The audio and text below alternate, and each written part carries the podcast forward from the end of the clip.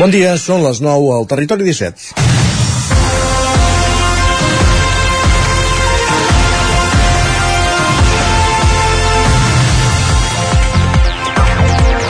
Ja fa 10 anys de l'acord de la Federació Universitària entre Vic i Manresa. Una dècada després, l'estesa de mans entre dues ciutats que políticament es disputaven la capitalitat d'aquell territori administratiu per explorar anomenat la Catalunya Central.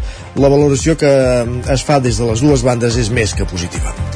Els directors generals de les dues fundacions universitàries, la Balmes i la del Bages, han comparegut aquesta setmana a Manresa per explicar que en aquests 10 anys el nombre d'estudiants ha crescut gairebé un 27%, arribant als 19.300. Les titulacions han pujat de 65 a 71 i el nombre de personal docent i investigador de 804 persones a, 1.600, a les 1.631 actuals.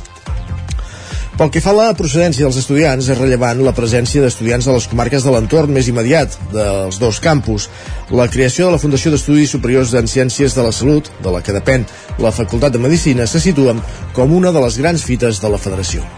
Passats aquests 10 anys es pot considerar que aquell acord que podia generar dubtes s'ha consolidat com un win-win. La Universitat de Vic ha guanyat la massa crítica necessària per consolidar el projecte i Manresa, que tenia uns estudis universitaris depenent de la Universitat Autònoma i manté encara el vincle amb la Politècnica, s'assegurava mantenir el règim de ciutat universitària que no li podia assegurar la UAB. És dijous, 25 de gener de 2024, en el moment de començar el territori 17 a la sintonia de la veu de Sant Joan, Ona Codinenca, Ràdio Cardedeu, Ràdio Vic, el 9FM, ens podeu veure també a través de Twitch, YouTube, Televisió de Cardedeu, el 9TV i la xarxa més. Territori 17.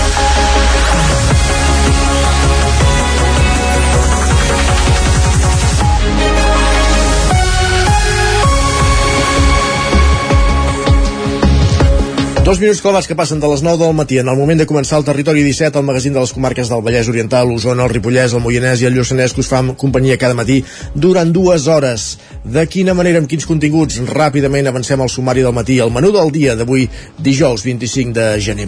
En aquesta primera mitja hora ens dedicarem a aprofundir en les notícies més destacades del Territori 17, les notícies de les nostres comarques, en connexió amb les diferents emissores que dia a dia fan possible aquest programa, també anirem fins a uh, fins a Ona Codinenca amb en Pep Acosta per repassar quines són les portades dels diaris del matí. Uh, no, amb en Pep Acosta no repassarem les portades dels diaris. Amb en Pep Acosta repassarem uh, la previsió meteorològica en una setmana que, es, que els dies es lleven freds però que les temperatures pugen cap al migdia. Ja ens parlava dilluns d'anticicló, anticicló i anticicló.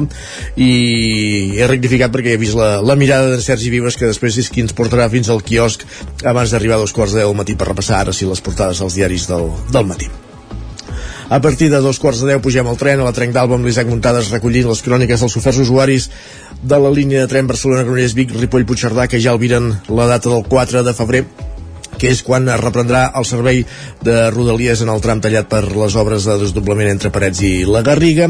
I acte seguit a l'entrevista parlarem d'excursionisme, de, parlarem de muntanya perquè ens acompanyarà als estudis de la veu de Sant Joan la Clàudia Romero, que és la presidenta de la Unió Excursionista Sant Joan de les Abadesses, que està a punt de començar una nova temporada. I repassarem la temporada i les activitats previstes Acte seguit sortirem a l'exterior per conèixer Aire, Cardedeu, una finca agrícola que s'ha transformat en un parc d'aventures, restaurant i, i hotel amb la missió a l'hora de preservar i divulgar el medi ambient.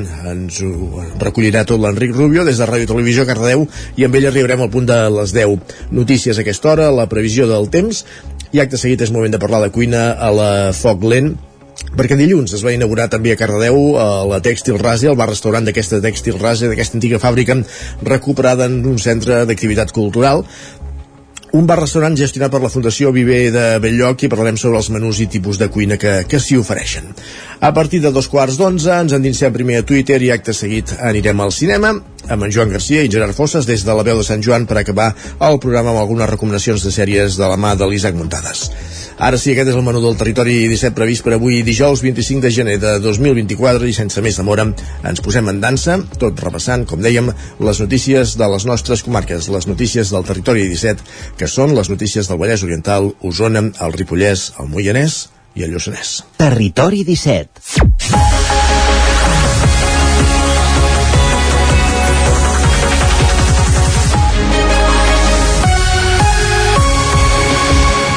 Ho dèiem a la portada, ara fa 10 anys de l'acord federatiu entre Vic, on ja hi havia Universitat i Manresa, que tenia escola universitària que va fer néixer l'actual Universitat de Vic, Universitat Central de Catalunya.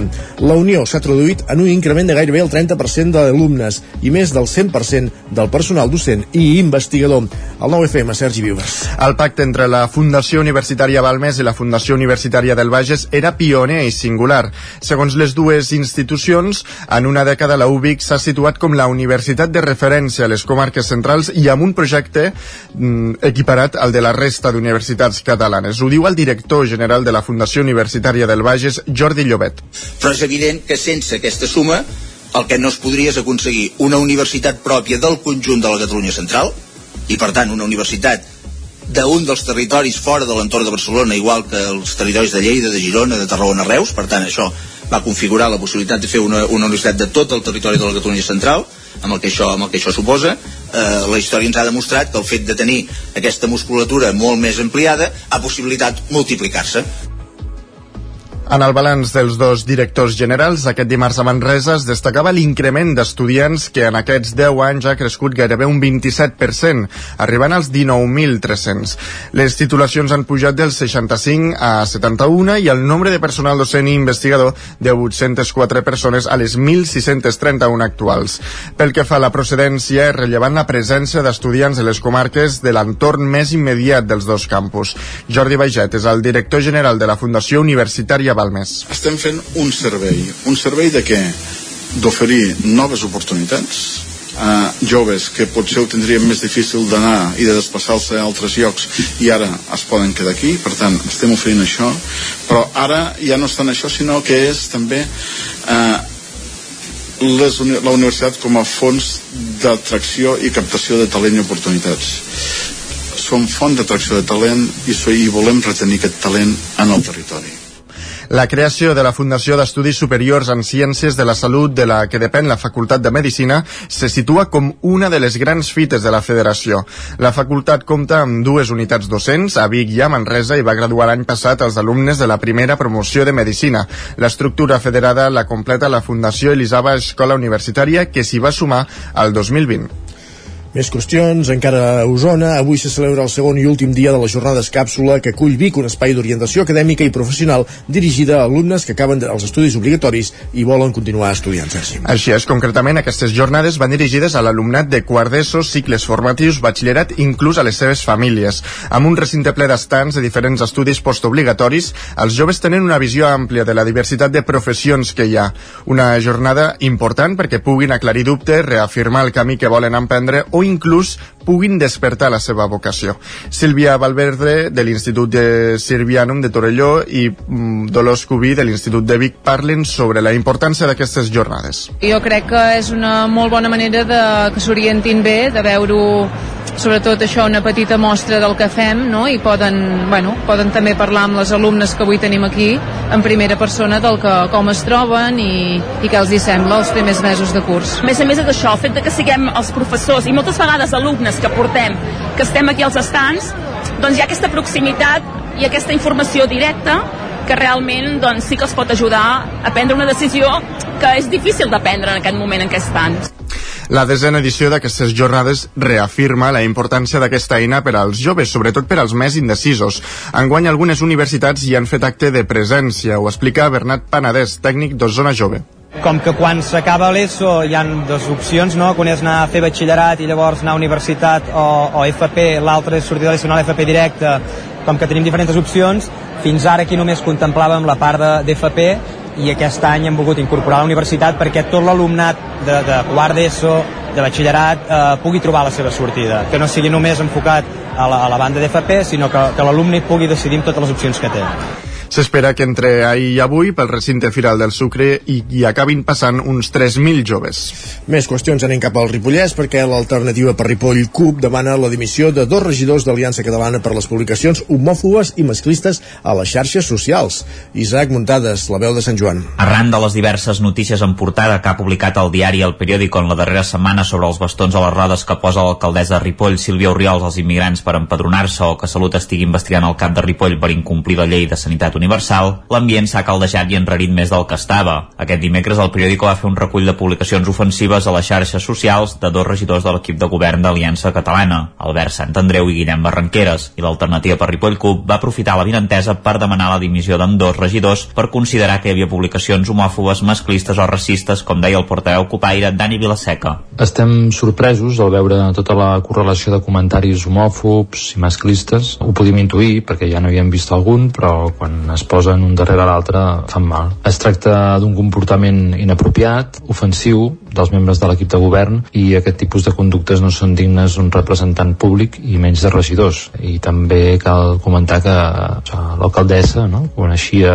o hauria d'haver conegut aquests comentaris i per tant també n'és eh, l'última responsable, perquè al capdavall són missatges contraris als valors que ens representen com a societat i com a ripollesos. Cal recordar que Barranqueres és el segon tinent d'alcalde, a més de regidor d'Hisenda, Promoció Econòmica i Habitatge, mentre que Sant Andreu és el regidor de Cultura, Esports, Educació, Joventut i Infància. El periòdico recopilava algunes piulades en què Barranqueres anomenava rates als voluntaris que van abandonar la comissió de festes on deia que la siguen xupando, referint-se a la CUP i Esquerra sobre el pacte fallit de les esquerres a Ripoll, a més de dir-li puto desgraciat i amamar-la imbècil en un altre comentari. En el cas de Sant Andreu, entre altres piulades, va carregar contra la consellera d'Igualtat i Feminismes, Tania Verge, arran de les vacunes de la Covid-19 dient literalment que eren una colla de desgraciats i ens vareu tractar com a psicòpates per no acceptar punxar-nos aquesta merda. També va respondre un usuari l'any 2012 dient-li si quieres que te coman los huevos no será que tu eres mucho más maricón. Sant Andreu ja ha dit que no pensa dimitir perquè els partits de l'oposició volen fer-los plegar d'un en un, perquè no han pogut fer-los fora a través d'una moció de censura. A més a més, va afegir que no plegarà per unes piulades del 2012 quan encara no tenia cap càrrec polític, ja que va començar a implicar-se en la política fa menys d'un any. Tampoc pensa dimitir Barranqueres, que en una de les piulades dels darrers dies ha insultat a la periodista que ha publicat la notícia al periòdico.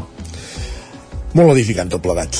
El Vallès Oriental, a la Roca del Vallès, l'Ajuntament ha encarregat la redacció del Pla de Protecció Civil per poder estar previnguts i actuar davant de qualsevol emergència que pugui tenir lloc al poble.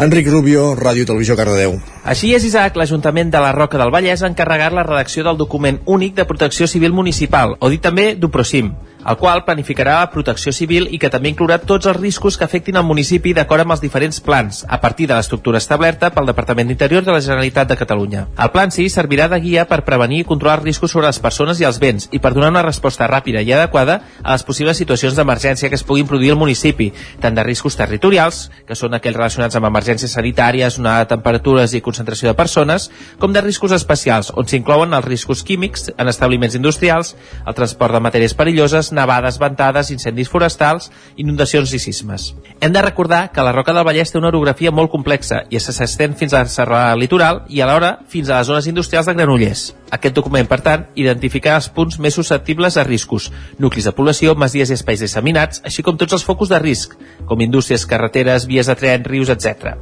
amb l'objectiu de definir plans de salvament, confinament o evacuació. L'Ajuntament ha contractat l'empresa MS Consultors Enginyeria i Seguretat amb un import total de 4.260 euros. El regidor de Seguretat Ciutadana, Daniel Valls, ha qualificat el Duprosim com de vital importància i ha apuntat que aquest pla d'actuació municipal està relacionat amb els diferents plans d'emergència de la Generalitat, com per exemple alguns que poden conèixer els nostres oients, l'Infocat, l'Inuncat o el Neucat, entre altres. Gràcies, Enric. Anem cap a l'altre extrem del Vallès Oriental. Eh, Roger Rams, amb el vestuari oficial de l'IA. El repte esportiu i solidari on Codina Estrella assoleix els 200 equips inscrits, un dels objectius de la prova d'aquest 2024. Roger Rams, una codinenca. Bon dia, què tal? Doncs efectivament el repte esportiu i solidari, un Codines Trail, ja fa dies que escalfa motors per l'edició d'enguany que tindrà lloc el dia 13 d'abril. L'organització s'ha marcat com un dels reptes per aquest 2024 el de fer créixer la prova i per assolir-lo s'han plantejat dos objectius. D'una banda recaptar 200.000 euros i de l'altra aplegar fins a 200 equips inscrits. Doncs bé, aquest segon objectiu, el dels equips, ja s'ha complert aquesta setmana i ara s'ha obert fins i tot una llista d'espera pels equips que volen participar-hi. El director de la prova, Lluís Vilalta, celebra aquesta xifra i apunta que amb el compromís dels equips inscrits resultarà més senzill recaptar els 200.000 euros. Aquest era el primer objectiu, que, que dels dos era el més fàcil, eh, i el segon és arribar als 200.000 euros, que aquest era el més difícil, però mm, de moment n'hem aconseguit un, que ja és molt, ja anem per l'altre. Com més equips, evidentment, més pasta es recapta també, i, i, i millor, clar, i més fàcil aconseguir més sponsors, i bueno, tot és, més, tot és més senzill. A partir dels equips tot és més senzill.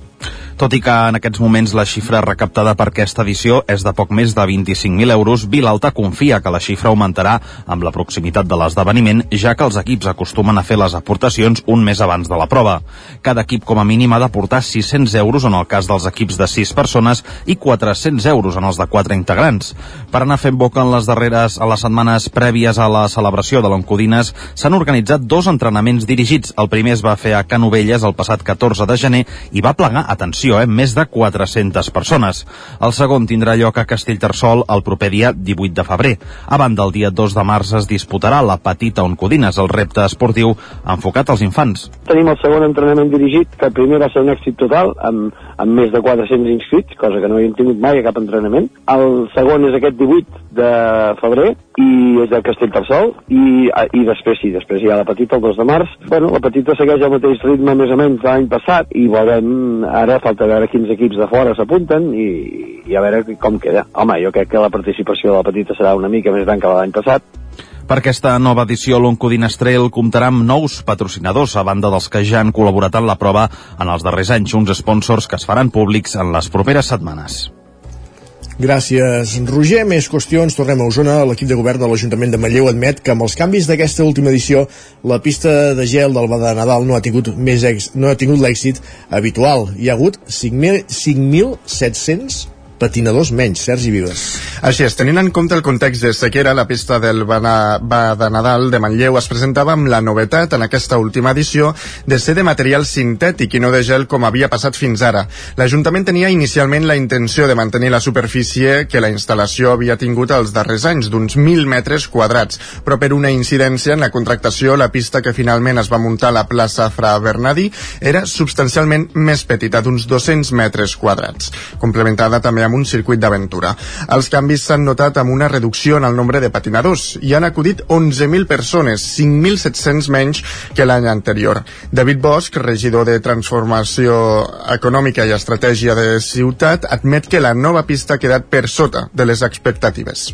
La pista d'aquesta pista que tal com és no ha agradat, no, no ha agradat per tant ens, ens convé fer un, una reflexió com a Ajuntament, com a equip de govern, com a municipi, com a consistori i també des del punt de vista global, no? o sigui, repensem la, el Pla de Nadal i també com complementem doncs, aquesta activitat que tenim aquí en la, en la plaça Bernadí durant aquest mes, des del 6 de desembre, una mica més d'un mes, fins al 8 de gener. En el cas del campament reial i l'anul·lació de la cavalcada per la previsió de pluja i la seva substitució per un espectacle al pavelló que han motivat crítiques de l'oposició, el govern defensa les decisions preses. Segons la regidora de festes, Montse Costa, que la pàgina web on es podien reservar les entrades pel campament arribés a col·lapsar-se, per l'altra per l'altra demanda demostra que l'activitat té èxit. S'obria també a incorporar propostes de l'oposició la lectura és, eh, quan moltes vegades volem agafar una entrada d'un concert, també se'ns bloqueja la pàgina, ens quedem en cua, per tant, per mi el moment és de desesperació, ostres, se'ns ha quedat bloquejada, però llavors em vaig fer una, una molt bona lectura, que és, ostres, el campament de Reis té molt d'èxit. Llavors, podem fer un combinat, cert, sí, podem buscar altres fórmules i, i ho treballarem i estem oberts a, a, a parlar-ho. Jo al final em quedo amb la, amb la carona dels nens, l'alegria, perquè al final els que som crítics som els adults. El grup més crític amb el funcionament del campament reial ha estat la CUP, que demana que se'n canvi el model perquè hi puguin accedir tots els infants. No veuen bé que s'hagi de reservar l'entrada i que el recorregut es faci en grups reduïts que eren de 15 persones. Aquesta circumstància també la destacava Esquerra, que considera que es pot repensar el campament sense els condicionants que s'hi van aplicar per la pandèmia. Gràcies, Sergi. Acabem aquí aquest repàs informatiu que començàvem al punt de les 9 en companyia de Sergi Vives, Isaac Muntades, Roger Rams i Enric Rubio. Moment de saludar també en Pep Acosta.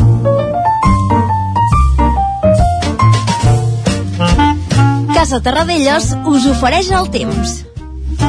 En Pep Acosta, que cada matí des d'una codinenca ens porta la previsió del temps en una setmana marcada per l'anticicló, per eh, temperatures baixes a les controlades al matí, però temperatures que van guanyant conforme avancen les hores, que van guanyant temperatura, valgui la de redundància. Pep Acosta, benvingut, bon dia.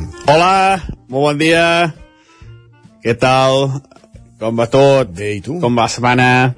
Espero que molt i molt bé pel que fa a la meteorologia, pel que fa al temps, continuem amb aquest anticicló, eh, un anticicló eh, molt potent eh, que domina tota la península ibèrica i que ens aporta aquest eh, matalàs, aquesta bombolla d'aire càlida procedent de, de l'Àfrica, ben bé de, del Sàhara, eh, no hi ha canvis, eh, una autèntica disbauxa de temperatures aquesta nit, mínimes de més de 10 graus a les zones altes del Montseny, atenció també cap a 8 de Ter i zones pròximes, mínimes de 7 i 8 graus positius, i en canvi cap a la plana Vic eh, mínimes de 1 o 2 graus. Calç amb 8 també 3, 4 graus. Eh, les zones fondes de Ripollès 1 o 2 graus eh, hi ha aquest matalàs d'aire càlid eh, més o menys eh, a les altituds mitjanes cap a uns 1.500 eh, 2.000 metres és on hi ha tot aquest aire càlid on és on les temperatures eh, realment són molt, molt més altes de, del que seria normal. Avui continuem aquesta situació, eh, mínimes ja que han sigut altes, les màximes poden ser eh, com les d'ahir o 1 o 2 graus més altes, un ambient molt agradable a migdia, gens de fred, a tot el contrari, una mica de calor i tot, i és que no, no es veu un canvi de temps ni a curt ni a mig termini. Aquest anticicló es quedarà dies i dies a casa nostra.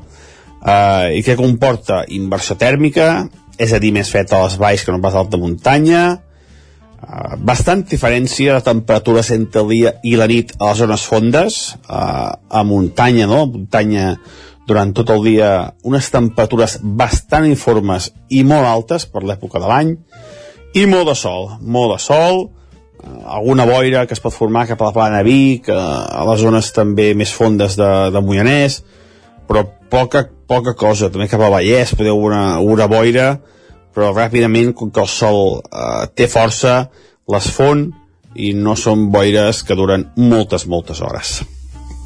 I poca cosa més a dir, que continuarà així el temps demà i tot el cap de setmana, potser baixa mica les temperatures, però baixa, però vaja, perdó, baixaran molt poc, i no, no tornarem als nivells habituals, ni molt menys, eh? sempre per sobre del que tocaria.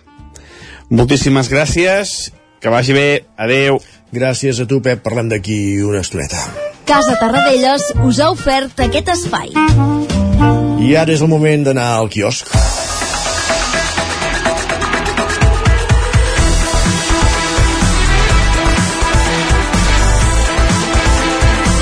Perquè és moment, Sergi Vives, de repassar quines són les portades dels diaris del matí d'avui dijous, 25 de gener de 2024. Així és, començarem pel punt avui que encapçala la portada amb el titular L'aigua que no raja, ho fan amb una fotografia de la font de Montjuïc.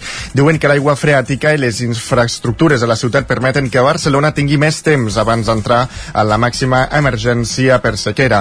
Tot i això, l'estalvi i la resiliència hídrica diuen continuen sent prioritaris. El periòdico diu que la Guàrdia Civil afirma que Terça pot ser un risc per a la salut. Expliquen que un informe pericial destaca que la incinera incineradora del Besòs va registrar temperatures aberrants per cremar escombraries. Diuen que l'anàlisi adverteix del perill d'emissió de residus tòxics a la població. Per altra banda, diuen, eh, destaquen que el Barça perd el segon títol, expliquen que l'equip blaugrana, que va acabar amb diversos juvenils, sucumbeix a Sant Mamés en eh, la pròrroga i queda fora de la Copa del Rei. S'ha de reconèixer que aquesta vegada almenys eh, s'ho van treballar. I per cert, també va quedar eliminat el Girona al camp Girona. del Mallorca, al camp del Mallorca contra tot pronòstic. Què més? La Vanguardia diu que el PSOE surt en bloc contra les crítiques per haver cedit en la llei d'amnistia. Expliquen que dirigents del partit repliquen amb contundència a Page per tancar tot eh, debat intern sobre el pacte amb Junts i Esquerra relatiu al terrorisme. Per altra banda, diuen que AstraZeneca obrirà seu a Barcelona. Expliquen que instal·larà el seu segon hub europeu a l'antic edifici de Telefònica. Paje, recordem que és García Paje, el president de Castella-La Manxa. El recordarem bastant amb les portades espanyoles. Molt bé. Eh? Abans, però, anem a l'ara, que diu que la Moncloa desvincula el procés eh, del terrorisme. Expliquen que el ministre Bolaños explicita la distància que separa la violència assassina de l'independentisme. Ara sí, el país diu que l'Agència Europea de Fronteres amenaça amb marxar d'Espanya. Es- Diuen que Frontex suspèn les operacions conjuntes a l'Estret i Canàries. Anem a l'ABC, diu que el PSOE mostra la sortida de Page per uh, criticar l'amnistia. Expliquen que Puente diu que porta temps a l'extraradi del partit i el president de Castella-La Manxa li recorda que ell és el que guanya a la dreta. El Mundo també obre portada amb el mateix tema, diu que Ferraz declara la guerra a la veu crítica contra l'amnistia. Expliquen que arremet contra Page després de reprovar que les sessions a Junts posen a l'extraradi de la Constitució al PSOE. Diuen que el baró socialista es conjura amb comunitats autònomes del PP perquè el govern no doni ni un privilegi més a Catalunya. Privilegis, eh? Clar. I acabarem amb la Razón, que diu que els Reis inauguren Fitur, el gran esdeveniment del turisme. Expliquen que van fer unes 15 parades entre expositors d'empreses, països i autonomies, tot molt interessant. Seguríssim. Uh, més qüestions, anem a repassar digitals, l'edició d'Osona, el Ripollès, el Lluçanès i el Moianès del 99.cat. Doncs ens diuen que convoquen una aturada de 24 hores cada mes a la Fundació MAP de Ripoll. Correcte, una de les notícies d'aquest dijous, de fet, dimecres hi ha la primera jornada de vaga i si no hi ha cap desconvocatòria, a la connexió del territori 17 allà estarem eh, per, per valorar eh, per conèixer a fons quins són els motius d'aquesta vaga. I a l'edició del Vallès Oriental i el Moianès? Doncs ens expliquen que el 86% dels visitants a Sant Miquel del Fai hi han arribat en vehicle privat. Perfectíssim, moltíssimes gràcies Sergi. A tu. Nosaltres el que fem tot seguit és una petita pausa però tornem de seguida, no marxeu. Ja ens espera l'Isaac Muntades amb la càpsula de cada matí a la Trenc d'Alba i a l'entrevista que anem cap a la veu de Sant Joan per parlar de l'Unió Excursionista de Sant Joan de les Abadesses amb la seva presidenta amb la Clàudia Romero. Una petita pausa, com dèiem, i tornem d'aquí 3 minuts al Territori 17. El nou FM, la ràdio de casa, al 92.8. 26è Cau de Bruixes de Centelles. Del 23 al 28 de gener torna una festa per a tots els públics que gira al voltant de la tradició de les bruixes de Centelles. Hi trobaràs jocs de taula, conferències i xerrades, exposicions, sopar embruixat o rutes guiades. No hi faltarà el mercat màgic amb tarot, cartes astrals, bruixes i artesania o l'espectacle Cau de Foc. Vine a descobrir qui és la nova bruixa de l'any al Cau de Bruixes de Centelles. Consulta tot el programa d'actes a centelles.cat barra cau de bruixes. Menja ràpid, menja fàcil, el trinxat de les Cerdanyes, tio Carlit. Mmm, boníssim! Trinxat Carlit, 100% natural, fet cada dia a Puigcerdà i a punt en un minut. Encara et preguntes què t'emportaràs a la feina o a la uni per dinar? El trinxat de les Cerdanyes, tio Carlit. Cobertes serveis funeraris. Els nostres tanatoris estan ubicats en els nuclis urbans més poblats de la comarca d'Osona per oferir un millor servei. Tanatori de Vic, Tanatori de Manlleu, Tanatori de Centelles i Tanatori de Roda de Ter. Sabem que són moments difícils i per això el nostre compromís és atendre-us en tot moment amb un tracte humà, sensible i respectuós. Cobertes serveis funeraris.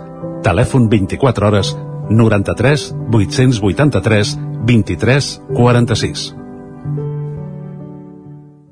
T'imagines un programa de política, d'economia, feina... Doncs ja te'n pots oblidar. Quin tinglado! Un programa d'entreteniment, actualitat, cultura i molt rigorós. Amb Bada Serrat, Miquel Giol i Eudal Puig. Un programa que no passarà a la història i que tampoc guanyarà cap ondes. No ens flipem. Escolta'l cada dijous en directe de 8 a 9 del vespre al 9 FM. Ai, ai, ai, quin tinglado! L'infopodcast del 9-9 amb Sílvia Pedret. Cada dia et donem les claus de les notícies més rellevants de casa nostra. Vivim en una comarca que s'està demostrant pionera en trans... Desperta't cada dia amb l'infopodcast del 9-9. Aquesta setmana tornen a ser notícia els pantans perquè han baixat... El trobaràs a dos quarts de vuit del matí al 99.cat, Spotify, iVox i, si ho vols, te l'enviem directament al mòbil. Subscriu-te als canals de WhatsApp i Telegram del 99. Soc Sílvia Pedret. Comencem. Anuncia't al 9FM. La màquina de casa. 9 3 8 8 9 4 9 4 9. Publicitat arroba al 9FM.cat. Anuncia't al 9FM. La publicitat més eficaç. El 9 FM, la ràdio de casa, al 92.8. Territori 17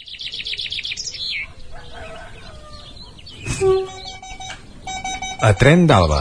Cada dia els usuaris i usuàries de la línia R3 de Rodalies que veuen sortir el sol des d'un vagó ens expliquen les gràcies i les penes del primer comboi que uneix Ripoll i Barcelona o les feixugues jornades amb el tren després de treballar.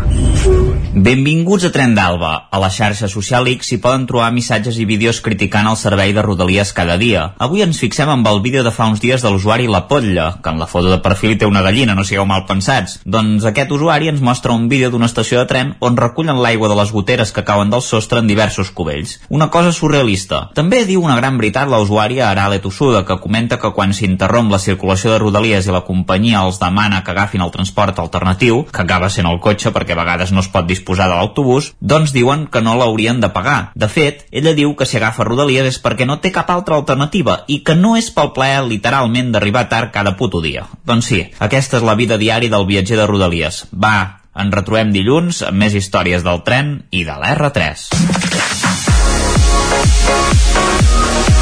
Territori 17 Un minut i mig que passen de dos quarts de 10 del matí.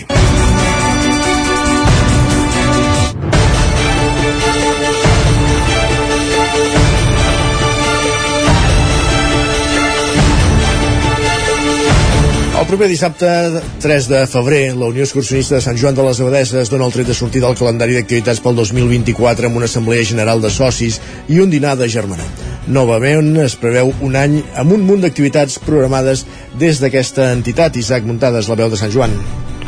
Bon dia, Isaac. Sí, per parlar de totes aquestes activitats eh, que promourà la Unió Excursionista de Sant Joan de les Abadeses, teníem nosaltres a la presidenta de l'entitat, Clàudia Romero, que pràcticament es podria dir que, que encetes el tercer any de mandat, perquè t'hi vas posar el primer trimestre del 2022, oi, Clàudia? Bon dia i moltes gràcies per ser al Territori 17 amb nosaltres. Correcte, Isaac. Molt bon dia a tots. Uh, anem al més immediat. Ara queden pocs dies per la celebració d'aquesta assemblea. En què consistirà? No sé què fareu aquella jornada, perquè em sembla que serà una jornada intensa, eh? Sí, l'assemblea anual eh, és una, un esdeveniment que hem de fer cada any. Sempre es fa el primer trimestre de, de l'any i es repassen l'estat de comptes, el que tenim planificat pel següent any, s'aproven els estatuts si escau, que aquest any sí que hem de fer una mica de modificació per adequar-los a la nova normativa, i, i llavors aprofitem la jornada doncs, per celebrar també el dinar de germanor i on fem entrega de pins dels socis que fan 25 i 50 anys com a socis de l'entitat. Molt bé, també falta poc per anar a recollir el pessebre al Taga. Eh, és una activitat que té molta salut i, a més a més, hi ha una llista de llarga de, de persones inscrites, ingent, per, per poder-ho fer, oi, Clàudia? Sí, exacte. Aprofitem el mateix cap de setmana a l'assemblea i el diumenge és quan baixem al pessebre. I mira, ara mateix tenim fins al 2050 la llista plena per, per futurs autors del Passeig del Taga. Aquest any l'autor serà el, el Sergi Albric i la seva colla i ja et dic, qualsevol que s'hi vulgui apuntar eh, doncs que sàpiga que, que hi ha disponibilitat a partir de l'any 2051 clar, eh, són molts anys eh, això, realment pràcticament és eh, sí, sí, més de 25 anys déu nhi eh, la llista, vull dir suposo que us honora, no?, que hi hagi molta gent que, que, que hi vulgui fer i, i també et volia preguntar una altra cosa que a, aprofitant això, clar, l'any passat veu celebrar el 70 aniversari, per tant suposo que una bona valoració, no?, d'aquest any d'haver complert 70 anys, ara anem per al, per al 71, eh? Sí, fa molta il·lusió que, que una entitat que, que porta tant temps al poble segueixi, segueixi així d'activa. I, de fet, l'altre dia estava mirant un llibret de Sant Joan on explicava una mica la història del poble i, i en, en dues pàgines de història doncs es mencionava la que també fa, fa molta il·lusió. Uh -huh. Si et sembla bé, comencem parlant també de les activitats esportives d'aquest 2024, des de la Unió Excursionista Sant Joan, aquests darrers anys on, on heu impulsat uh, tres curses. Uh, aquest any, per sobre de tot, el que destaca és la cursa de, del TAG, evidentment, que segurament és la més consolidada i la més coneguda, que a més a més serà molt especial, oi, aquest any, i la Federació Catalana d'Entitats Excursionistes de, de Catalunya us ha premiat per això. Em sembla que hi haurà novetats, no? Què ens pots explicar? Sí, doncs aquest any també hi ha aniversari, en aquest cas és el 25è de la cursa del Taga. I ja com altres anys, l'any passat no, però sí que altres anys ens havien hem perdut momentàniament la, la connexió amb la Clàudia Romero, la presidenta... Ara, ara, ara, ara t'hem recuperat, Clàudia. Coses del directe. Sí, aquest any tornem a ser Copa Catalana. Uh, i aprofitant que és el 25 aniversari doncs hi haurà novetats que encara no puc revelar però bueno, sí, sí que segurament doncs, es farà un dinar i, i com, a nova, o, o com a diferència d'altres anys la cursa serà el dissabte en comptes del diumenge concentrant la taga kids i la taga d'adults uh, al mateix dia ja és una novetat important eh, aquesta de fet realment que la cursa passi el, el dissabte. Vull dir que això realment eh, és, és un cop d'efecte no? Suposo també per fer una mica més de festa entenem. Exacte, sí um, a, a, això potser ho comentarà més l'Albert Ramoneda que, que és qui ho porta però potser el dissabte doncs, doncs ets capaç de concentrar més gent. Uh -huh. També s'està preparant la tercera edició de la cursa d'obstacles vol d'Àligues, que, que es va consolidant com una prova única a la comarca. Hi haurà novetats aquest any? Hi haurà algun obstacle d'aquells divertits i, de, i més durs, per entendre's? Doncs eh, encara no ens hem plantejat la tercera edició. Aquest any es presenta complicat a nivell personal, um, amb moltes coses i la Vol d'Àguiles és una de les activitats que més atenció comporta. Llavors ens estem ens estem plantejant si, si aquest any la podrem fer o no però les ganes hi són. El que passa que depenem una mica doncs, doncs del temps. Llavors a, a, a mesura que vagi avançant l'any suposo que, que ens decidirem per, per una cosa o altra Uh -huh. uh, també uh, repassant una mica eh, sempre vosaltres feu la, la Sant Silvestre per tancar l'any encara queda molt lluny, per tant no en parlarem. Com ha anat aquesta darrera edició, no sé si n'esteu satisfets perquè em sembla que les Sant Silvestres tant, tant aquí a Sant Joan com a la resta de pobles del Ripollès han funcionat molt bé aquest any Sí, la veritat és que ens va sorprendre perquè l'any passat va ser fluixet. Sí que és veritat que la Unió Excursionista mai l'havia organitzat fins l'any passat que, que al desaparèixer la barra jove ens van demanar doncs, que com a mínim la intentéssim aguantar fins la desena edició, edició que ha sigut aquest any. Um, I ja us dic, l'any passat va ser fluixeta, però aquest any uh, ens va sorprendre molt de, i, i de fet la majoria de gent es va apuntar al mateix moment. Pensàvem que seria també fluixeta però de cop va començar a arribar gent va començar a arribar gent i, i va ser un, tot un èxit. I la veritat que les calç del poble just abans d'acabar l'any va, va ser molt bonic. Ara, doncs, arribada la, la desena edició, hem, hem de veure si hi ha alguna entitat interessada en mantenir-la, si és la Unió Excursionista qui l'ha de continuar o, o aviam què passa amb la Sant Silvestre. També, evidentment, hi ha activitats més clàssiques, com la caminada popular de l'entitat. Ja m'imagino que l'esteu començant també a, a preparar.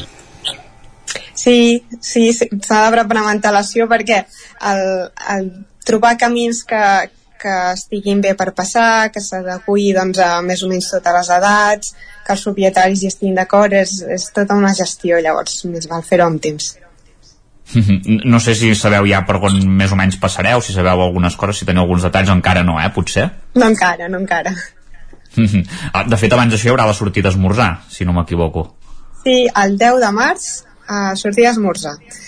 Um, tampoc tenim clar per on passarem encara, però és una sortida més curteta, llavors hauria de ser més fàcil gestionar-la. Uh -huh. Més qüestions. Uh, també hem de destacar la missa al cim del Taga, una altra de les activitats de, de l'any. Sí, el tercer diumenge de juliol pugem, pugem al cim del Taga i fem una missa. Aquest any es celebra, em sembla que és la 60 segona edició. Setena, no? Setena, sí, tens raó. Uh, I aquest any també, no sé si... L'any passat em sembla que vau anar al Carlit, si no tinc mal entès, aprofitant el 70è aniversari. No sé si teniu fet, uh, pensat fer algun cim especial d'algun lloc Catalu de Catalunya o, o alguna sortida col·lectiva amb els socis de, de l'entitat. Sí, aquest any eh, la tenim planificada pel 15 de juny, que sempre doncs, estem condicionats per la meteorologia, però sí, 15 de juny i, i llavors falta decidir el cim, però serà, serà un cim català. Uh -huh. Abans parlaves, quan repassàvem a l'inici de l'entrevista l'assemblea de, del dia 3 de febrer, comentaves el fet de les insignes als, als socis de 25 i 50 anys. Són molts aquests socis cada any que, que arriben a aquestes fites i no sé, a nivell de socis, quina, quina, quina salut té ara mateix l'entitat?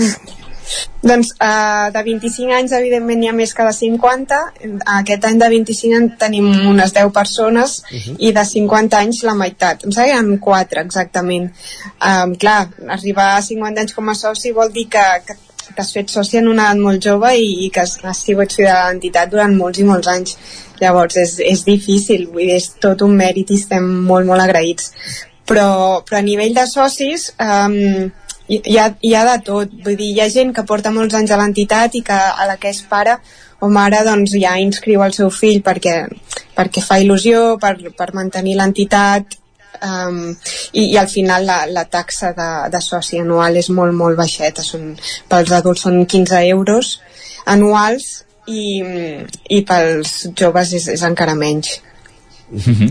uh, precisament la, la junta de l'entitat de la, de la Unió Exclusiva de Sant Joan de les Abadeses que dèiem això, eh, que pràcticament és el tercer any de, de mandat, és molt jove no? això també és positiu com, com valoreu aquests uh, anys que, que porteu a la, a la junta evidentment tot ha estat un boom no? d'estar de, a punt de desaparèixer pràcticament l'entitat, uh, fer moltes activitats i celebrar el 70è aniversari en plena forma això suposo que, que n'esteu contents no? no? no sé quins canvis hi ha hagut en, en aquest temps estem molt contents, però la, ara que, que ja anem per la meitat de, del mandat, el que ens preocupa més és trobar relleu, perquè és el que, es va, el que li va passar a la Junta anterior i, i és el que ens preocupa ara mateix, que hi hagi gent disposada a continuar l'entitat.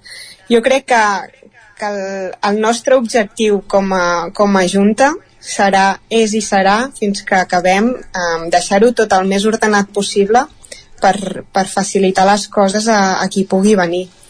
I, i sí que és veritat que, que el ser joves doncs, ens aporta coses bones com que potser ens és més fàcil gestionar el tema informàtic, que tenim més ganes o, o energia, però també haig de dir que, que la majoria d'entitats excursionistes que coneixem del territori doncs les porten gent jubilada, perquè al final el més determinant de tot és el temps.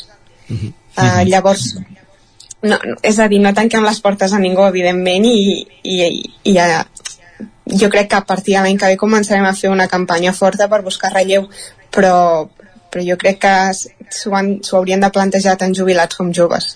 Està clar. Perquè quan acaba el vostre mandat, quin era l'objectiu que teniu vosaltres? Uh, l'any que ve. L'any que ve, 4 anys. I, I per als socis aquest any impartireu algun tipus de formació, algun tipus de curs? Sí, um, tenim el, el curs de primers auxilis el 17 de febrer. Uh -huh. és, és una cosa que ens vam plantejar ja l'any passat, però com que vam, vam llançar molts cursos, um, vam dir deixar-la per aquest any i, i, i també per tema pressupostari. I, uh -huh. i el, justament el vam anunciar aquesta setmana, així que esperem que s'empleni. Està clar que... Forma... Perdona, Isaac. No, no, que comentava això, eh, que no sé com van funcionar els cursos l'any passat, eh, quants en veu fer i com, com van funcionar. Doncs en vam, en vam anunciar, ara no sé si en mentiré, no sé si eren 4 o 5, però només es van planar un. I al final, no va saber greu, perquè al final és, és el, és el que volen els socis, no? Si no s'han plenes perquè no tenen interès, doncs, doncs no els repetim i ja està. Però, però sí que vam fer el, el de progressió per crestes, que va ser molt, molt xulo i vaig participar i, i la veritat que vam sortir tots encantadíssims. Uh -huh. um, però, però també és veritat que són uns cursos que has d'homologar amb, amb la federació, que necessiten unes hores, un, un personal, i són cars. Llavors el, el que hem fet aquest any és el de primers auxilis que, que assumirà l'entitat um, pels socis és gratuït, sí que pels no socis s'ha de pagar un preu de 10 euros, però és, és un curs molt més assequible i també de moltes menys hores, que la gent a, a, a vegades li costa no, trobar la disponibilitat. Abans parlaves de, del fet de, que, que heu d'afrontar un, un relleu l'any vinent. Uh, Perdona, eh? T'he mentit, no és l'any vinent, és el, el 2026. El 26. Clar, sí que era la meitat del mandat, eh? Exacte. Sí, sí, sí, sí. No, però volia preguntar això, parlàvem de, de la massa social. Sí que és cert que moltes vegades eh, a les entitats excursionistes part de la massa social i és perquè és la manera de, de tenir el, el carnet federatiu, que és l'assegurança per, per moure's per la muntanya, per anar a esquiar, per anar a fer muntanya, el que, el que convingui clar, moltes, eh, qui, qui sigui en aquest aspecte només per això, suposo que és més difícil d'implicar-lo en l'entitat, no? I suposo que és aquí Però... on, on s'ha d'incidir. Però no ben bé, eh? No? perquè són 500 pocs socis i els federats anuals són uns 150. Vull dir que no, no són gaire representatius com, com a socis i, i si miro nominalment qui, qui és el que es federa, doncs, doncs també coincideix que, que gent que ve a les activitats de l'entitat. Molt bé. Doncs queda aclarit. Clàudia Romero, presidenta de l'Unió Excursionista de Sant Joan de, de les Abadesses, gràcies per ser una, un any més amb nosaltres aquí al Territori 17, per repassar el que serà la temporada, ara que comença, diguéssim, a partir d'aquesta assemblea del dia 3 de, de febrer, i sort i encerts amb tot el que us aneu proposant. Moltíssimes gràcies. Moltíssimes gràcies a vosaltres. Gràcies també, Isaac, per acompanyar-nos aquest matí. No marxis gaire lluny perquè parlarem d'aquí una estona. A vosaltres, bon dia. I nosaltres que avancem aquí al territori 17, hem parlat d'excursionisme, hem parlat amb la presidenta de l'Unió Excursionista de Sant Joan de les Abadesses, amb la Clàudia Romero, i ara ens n'anem cap a l'exterior, anem fins a Cardedeu per conèixer aquest projecte, una finca agrícola que s'ha transformat en un parc d'aventures, restaurant i hotel sota el nom d'Aire i que ens descobrirà tot seguit l'Enric Rubio des de Ràdio Televisió Cardedeu.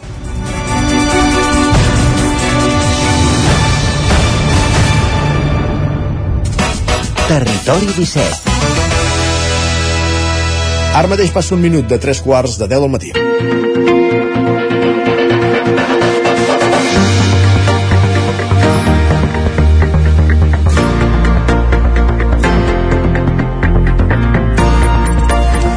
Aire és una, una antiga finca agrícola de Cardedeu que, com dèiem, s'ha transformat en un parc d'aventures, restaurant i hotel, alhora que preserva i divulga el medi ambient. Volem aprofundir més en tot aquest concepte i per això s'hi ha desplaçat l'Enric Rubio de Ràdio Televisió Cardedeu. Enric, benvingut, bon dia.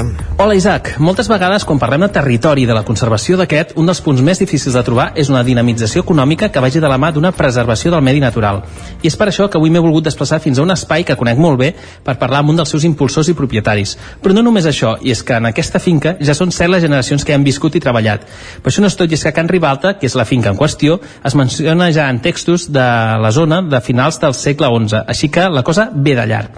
Avui ens hem desplaçat fins a Can Ribalta, o el que és el mateix, fins a Aire, un complex que té tres grans pilars. Aire Natura, que és un parc d'aventures, La Parola d'Aire, que és un restaurant, i Can Ribalta Hotel, que és la branca que tanca aquest triangle.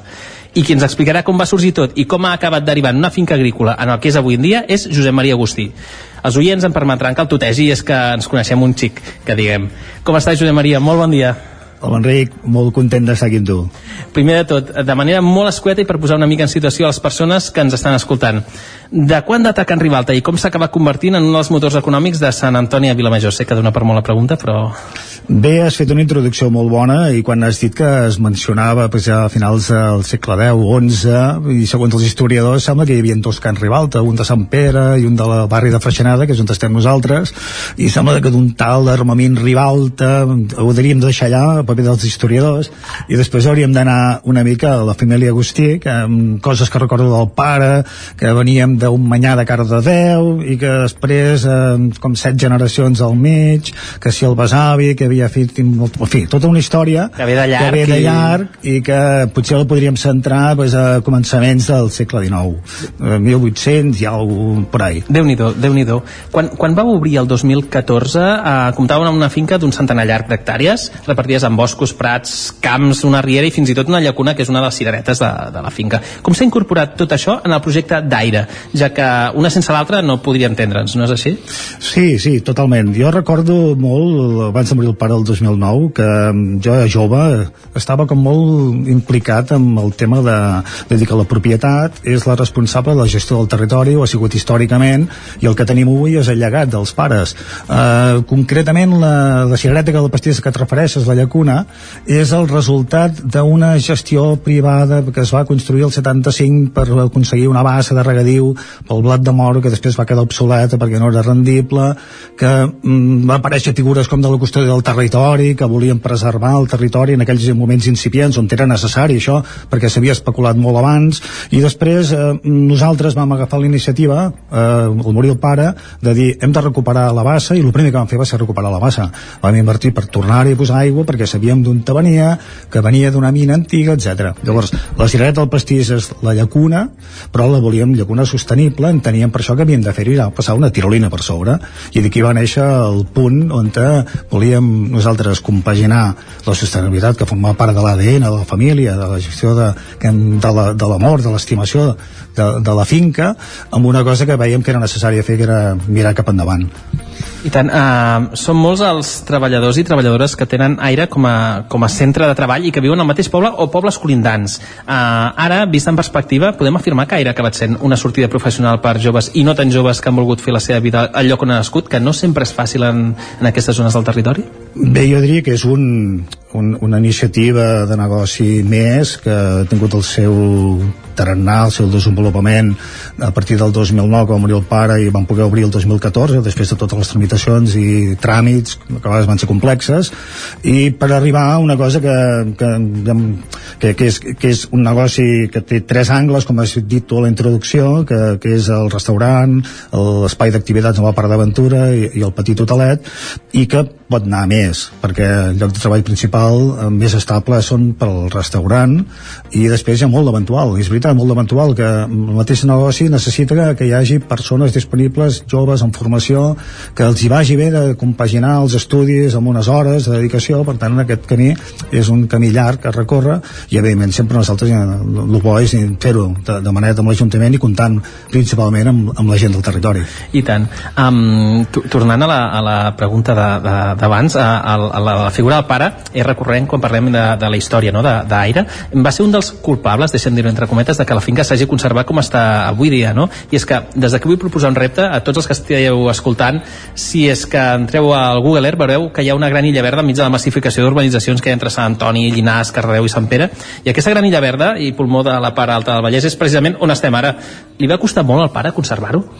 Uh, sí, viatjant una mica ja fa uns anys, als anys 60, jo vaig néixer al 64, i als anys 60 el pare va passar difícil, ho va passar malament perquè en aquella època ell ja veia. Jo, eh, a la meva adolescència, he mamat molt, jo amb el meu germà, no? que, que alguna cosa s'havia de fer, que s'havia de fer alguna cosa, que havien de, de generar alguna cosa més perquè allò no era sostenible, no es podia aguantar, les edificacions, les taulades que s'enfonsaven de la casa, que alguna cosa s'havia de fer. I ell havia lluitat molt per ja començar a fer altres iniciatives.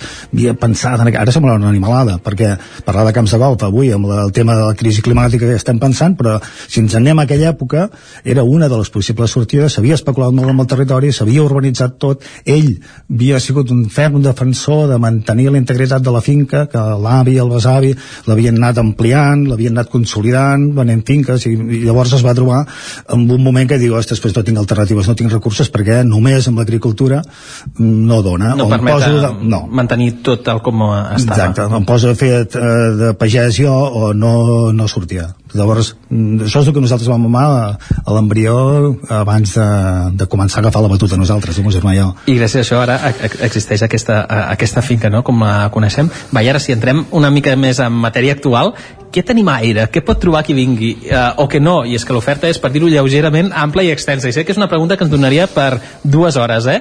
Però una miqueta el repertori, aquestes tres potes, com... Mm, com tot negoci evoluciona. I ja, ja des del 2014 hem anat creixent i el, el fet de comptar amb aquestes tres potes que feia referència fa que es pugui venir, per exemple, a nivell particular, a dinar al restaurant entre setmana, eh, es pot venir com a empresa a dinar i a fer una reunió de treball a la sala de dalt i fins i tot com a empresa es pot venir a fer tot això més unes activitats de team building o d'esbarjo, de, de, que seria la branca d'aire natura, es pot venir el cap de setmana en família, es pot venir com a nuvis per fer una celebració, un casament, i a part de les celebracions de casament, que és potser una de les línies més importants que tenim, hi ha totes les altres celebracions que també es poden fer amb els banquets de, del restaurant.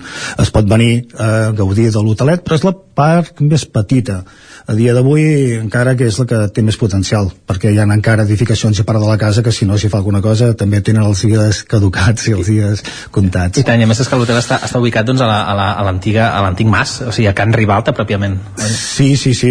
De fet, era el complex, una casa pairal, amb casa principal, cors i pallissa. Eh, De moment està ocupada la part principal, amb usos encara com molt residencials i particulars, i té l'edifici secundari, que eren les cors, on està el restaurant, amb una sala gran, amb vistes a tot l'entorn, i queda la pallissa, queda la part que això algun dia o altre s'haurà de reformar i s'haurà de pensar que és eh, l'hotel-restaurant, que de fet és el que tenim nosaltres, és un centre d'activitats amb hotel-restaurant. Sí, bueno, amb, el, amb tot i tot el que heu fet, amb tot el tamany d'instal·lacions que teniu, hi ha camp per córrer sempre que vulgueu en aquest cas per fer. Sí. Uh, com, es, um, com es compagina la conservació del medi natural amb una empresa amb tantes banques com ara deien com aquesta? De fet, Aire Natura, entre altres coses, fa molta pedagogia precisament de la fauna, flora i espais naturals de les zones uh, de la zona escoles, famílies i grups d'amics. De fet, bueno, um, tu mateix, Josep Maria, ets, ets eh, biòleg, no?, en aquest cas, per tant, vull dir, eh, això et toca molt de, de prop i per això també deriva cap aquí. Com, com ho treballeu, aquesta part de divulgació? Amb els anys hem anat vist que el comú denominador és l'entorn, és l'espai, és la natura, és una natura treballada per la gestió de l'home perquè és agrícola forestal, el paisatge que tenim nosaltres està molt a prop de zones més... I més al Vallès. Que Exacte, el Vallès, és, està molt a prop de zones amb alt interès eh, biològic com el, el Montseny, el Corredor, els parcs naturals, però té un paper molt important la gestió que s'ha fet i el, com, com ho vulguem gestionar. Nosaltres tenim aquesta sensibilitat, la volem, l'anem desenvolupant, a part de l'activitat principal, per exemple, que és eh, la part del Parc d'Aventura, sempre hem fet activitats secundàries per la divulgació i mm, del medi natural, itineraris descobertes i temes de valors d'equip.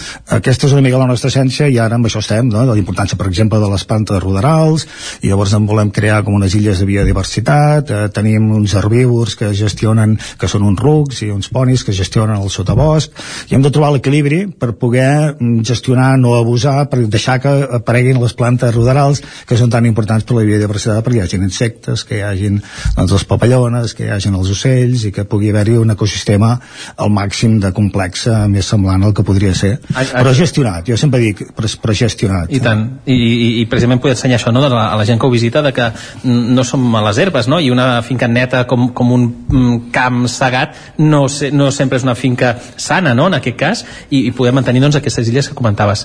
Um, de fet, a, a, a Can Ribalta, ara volia preguntar, uh, hi trobem moltes reminiscències de, de com era la vida al camp al segle passat. La Granera, per exemple, que és una de les més grans de la comarca i dona la benvinguda als clients de l'hotel. Just a l'entrada d'aquesta hi ha un carro que segur s'havia recorregut la finca de, de fit a fit infinitat de vegades. Inclús encara avui dia hi trobem la figura ja molt en desús de, dels masovers. Com ho vius, Josep Maria? Això d'estar en una finca on hi, on hi han treballat i, i han fet vida els teus avantpassats i que ara hi treballen o hi juguen, segons l'edat, els, els teus fills, no? Mm, jo sempre he dit que el projecte aquest va néixer del cor i amb el cor i l'essència que, que la volíem respectar però tocant de peus a terra amb el cap pensant que, com ho hauríem de poder gestionar. Jo potser abuso massa perquè estic pensant molt en, en el futur no? de com deixar-ho això.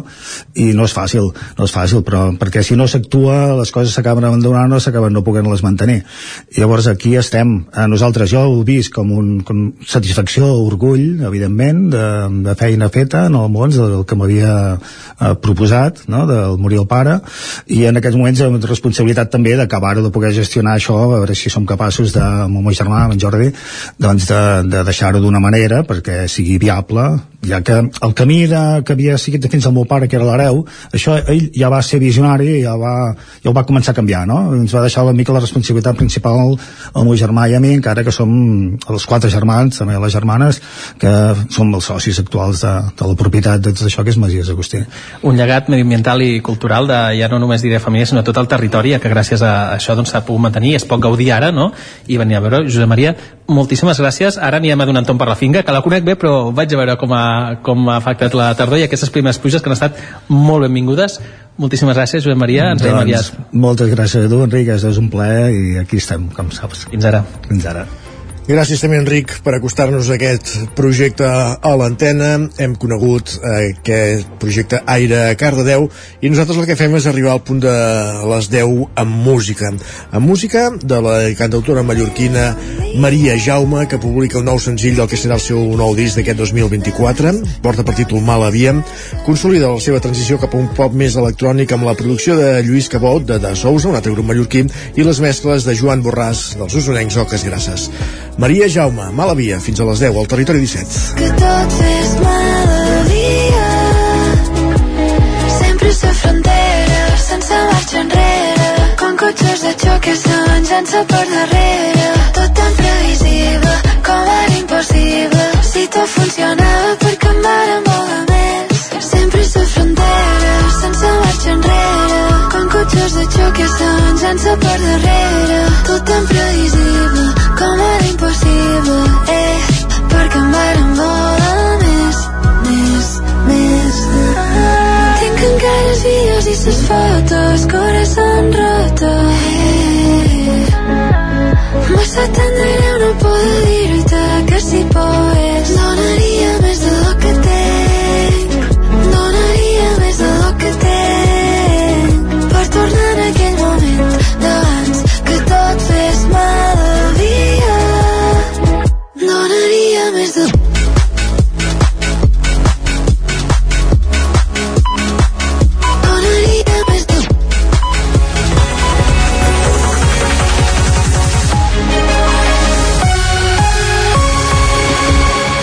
Temps per les notícies al territori 17, les notícies del Vallès Oriental, l'Osona, el Ripollès, el Moianès i el Lluçanès, que us oferim en connexió amb les diferents emissores que dia a dia fan possible aquest programa. Ràdio Cardedeu, una codinenca, la veu de Sant Joan, Ràdio Vic, el 9 FM, ens podeu veure també a través de Twitch, YouTube, Televisió de Cardedeu, el 9 TV i la xarxa més. Per explicar-vos aquesta hora que demanar cita al metge o als serveis socials, trucar o videotrucar a la família i fer trucades d'emergència són les necessitats que cobreix Atenea, un nou servei d'intel·ligència artificial pensat per a gent gran i que es posa en marxa a Vic, Energia Vives, al 9 FM. Així és, es tracta d'un dispositiu en forma de telèfon mòbil sense botons ni pantalles tàctils que, a través de la intel·ligència artificial, permet a persones de la tercera edat que viuen soles o en parella fer gestions diàries. Funciona amb la veu i per poder-lo i per posar-lo en marxa no cal tenir accés a internet. D'aquesta manera ho explica el CEO de Momentum Analytics i desenvolupador de l'eina Albert Iserno. Atenea és una intel·ligència artificial en forma de mòbil però sense pantalles tàctils i sense botons amb una interacció tan senzilla, tan humana com la veu ens ajudarà amb les nostres necessitats bàsiques. Una d'elles és la que us acabo d'explicar demanar cita prèvia al metge o metgessa de família. Amb la mateixa facilitat farà una videoconferència amb un familiar una persona propera o una trucada telefònica. També permetrà fer una trucada d'emergències. Auxili, fa pudor cremat. Eh, doncs llançarà una trucada d'emergències. I també com a cas d'ús per aquesta fase que ara explicarem inicial també hem inclòs, demanar cita prèvia a serveis socials Qui ho sol·liciti podrà aprovar el dispositiu en el marc d'una prova pilot que ha de permetre a l'empresa impulsora fer un seguiment i resoldre dubtes. La seva entrada en funcionament, finançada amb 2,3 milions d'euros dels fons Next Generation, té l'objectiu de posar al centre la ciutadania més vulnerable i reduir així la bretxa digital. La prova pilot de l'Atenea es farà amb la col·laboració d'ajuntaments de tot el país. En el cas d'Osona hi participaran persones de Vic i de Manlleu. Núria Oms és la regidora de Benestar i Família de l'Ajuntament de Vic i per tant és, és important doncs, tenir com més persones voluntàries que vulguin participar d'aquesta prova pilot millor eh? perquè així eh, l'empresa podrà fer doncs, les eh, avaluacions corresponents per saber doncs, com han de millorar el dispositiu la presentació d'aquest dispositiu es va fer ahir al casal mossèn Guiteres de Vic davant d'una cinquantena de persones.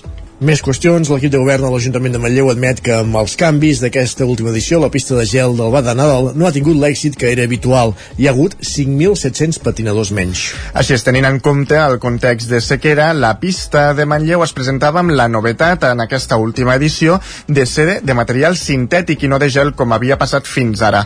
L'Ajuntament tenia inicialment la intenció de mantenir la superfície que la instal·lació havia tingut els darrers anys, d'uns 1.000 metres quadrats, però per una incidència en la contractació, la pista que finalment es va muntar a la plaça Fra Bernadi era substancialment més petita, d'uns 220 metres quadrats. Els canvis s'han notat amb una reducció en el nombre de patinadors i han acudit 11.000 persones, 5.700 menys que l'any anterior.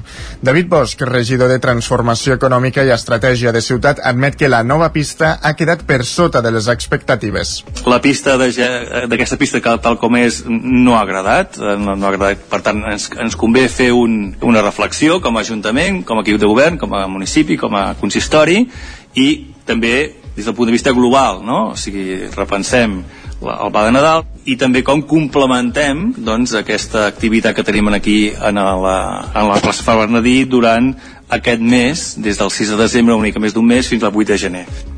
En el cas del campament reial i l'anul·lació de la cavalcada per la previsió de pluja i la seva substitució per un espectacle al pavelló, que han motivat crítiques de l'oposició, el govern defensa les decisions preses. Segons la regidora de festes, Montse Costa, que la pàgina web on es podien reservar les entrades pel campament arribés a col·lapsar-se per l'alta demanda demostra que l'activitat té èxit. S'hauria també incorporar propostes de l'oposició. La lectura és, eh, quan moltes vegades volem agafar una entrada d'un concert, també se'ns bloqueja la pàgina, ens quedem en en cua, per tant per mi el moment és de desesperació, ostres, se'ns ha quedat bloquejada, però llavors em vaig fer una, una molt bona lectura, que és, ostres, el campament de Reis té molt d'èxit.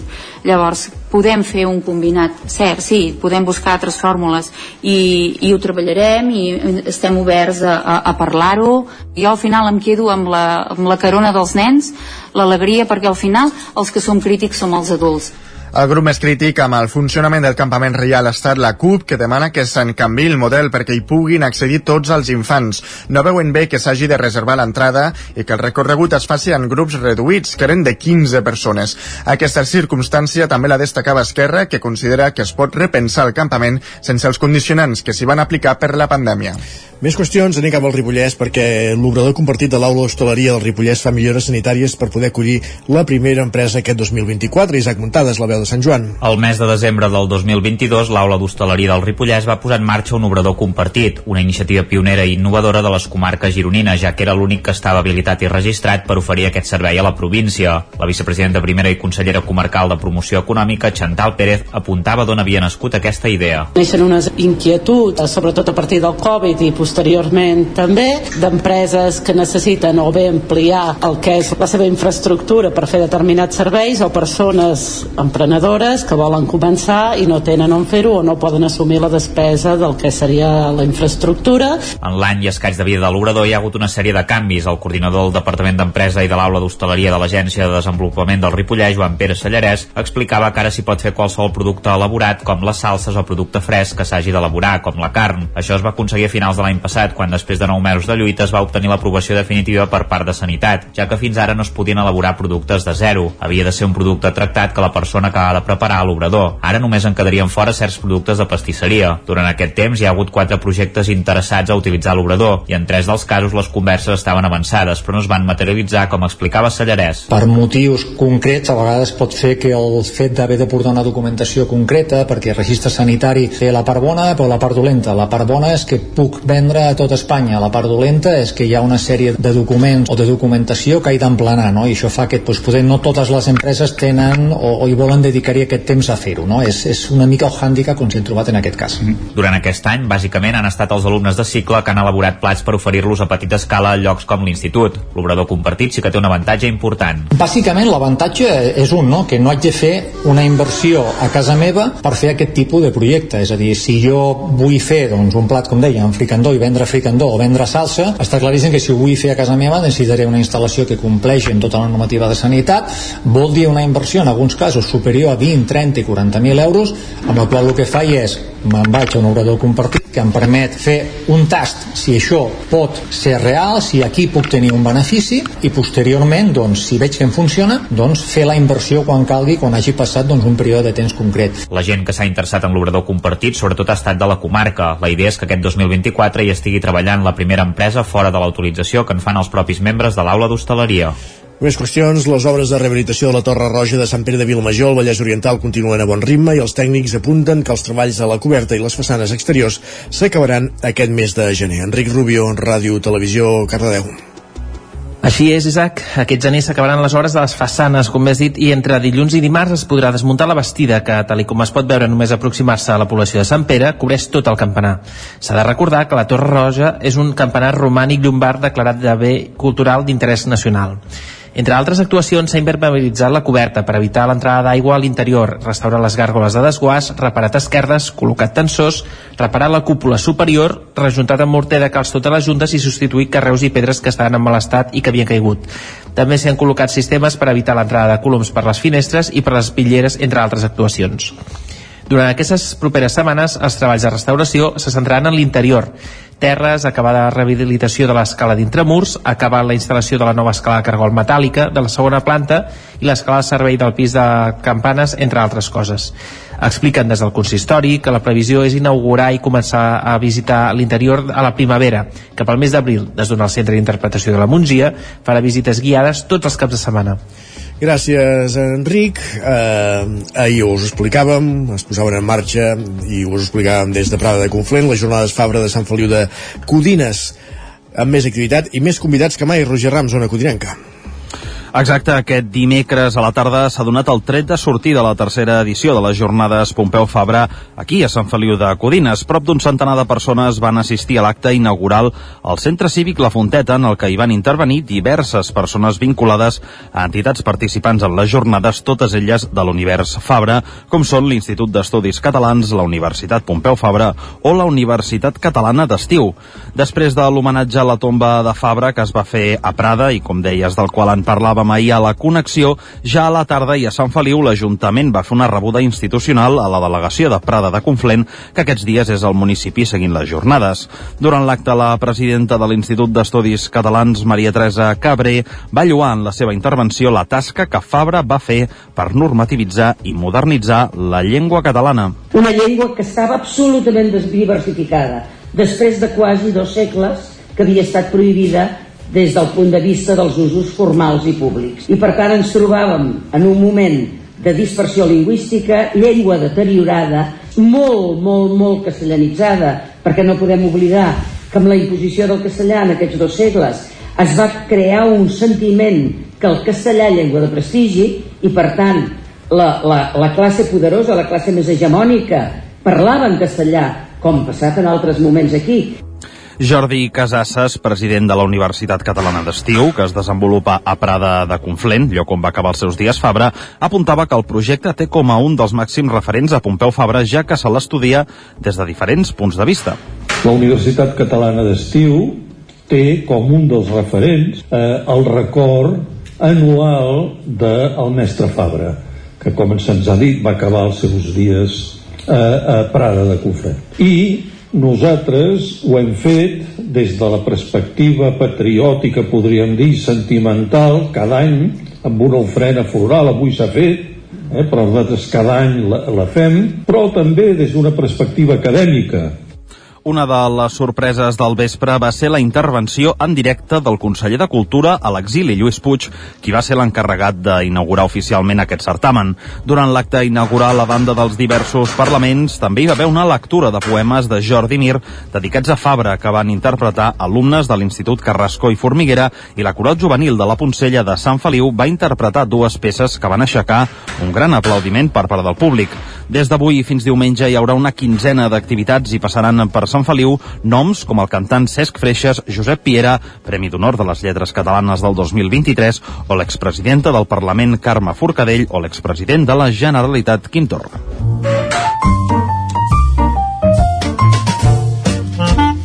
Casa Terradellos us ofereix el temps. Temps pel temps, Pep Acosta, qui tens farà avui? Hola, molt bon dia. Avui continuem aquesta situació. Uh, mínimes ja que han sigut altes. Les màximes poden ser uh, com les d'ahir o 1 o 2 graus més altes. Un ambient molt agradable a migdia, gens de fred, a tot el contrari, una mica de calor i tot. I és que no, no es veu un canvi de temps ni a curt ni a mig termini. Aquest anticicló es quedarà dies i dies a casa nostra. Uh, I què comporta? Inversió tèrmica, és a dir, més fred a les valls que no pas a alta muntanya, Uh, bastant diferència de temperatures entre el dia i la nit a les zones fondes, uh, a muntanya, no? Muntanya durant tot el dia unes temperatures bastant informes i molt altes per l'època de l'any. I molt de sol, molt de sol. Uh, alguna boira que es pot formar cap a la plana Vic, a les zones també més fondes de, de Moianès però poca, poca cosa també cap a Vallès podeu una, una boira però ràpidament, com que el sol eh, té força, les fon i no són boires que duren moltes, moltes hores. I poca cosa més a dir, que continuarà així el temps demà i tot el cap de setmana, potser baixa mica les temperatures, però baixa, però vaja, perdó, baixaran molt poc i no, no tornarem als nivells habituals, ni molt menys, eh? sempre per sobre del que tocaria. Moltíssimes gràcies i, i fins demà, que vagi bé, adeu. Gràcies a tu, Pep, fins demà. Casa Tarradellas us ha ofert aquest espai. I ara, quan falta un minut perquè sigui un quart d'onze, temps per la cuina al territori 17.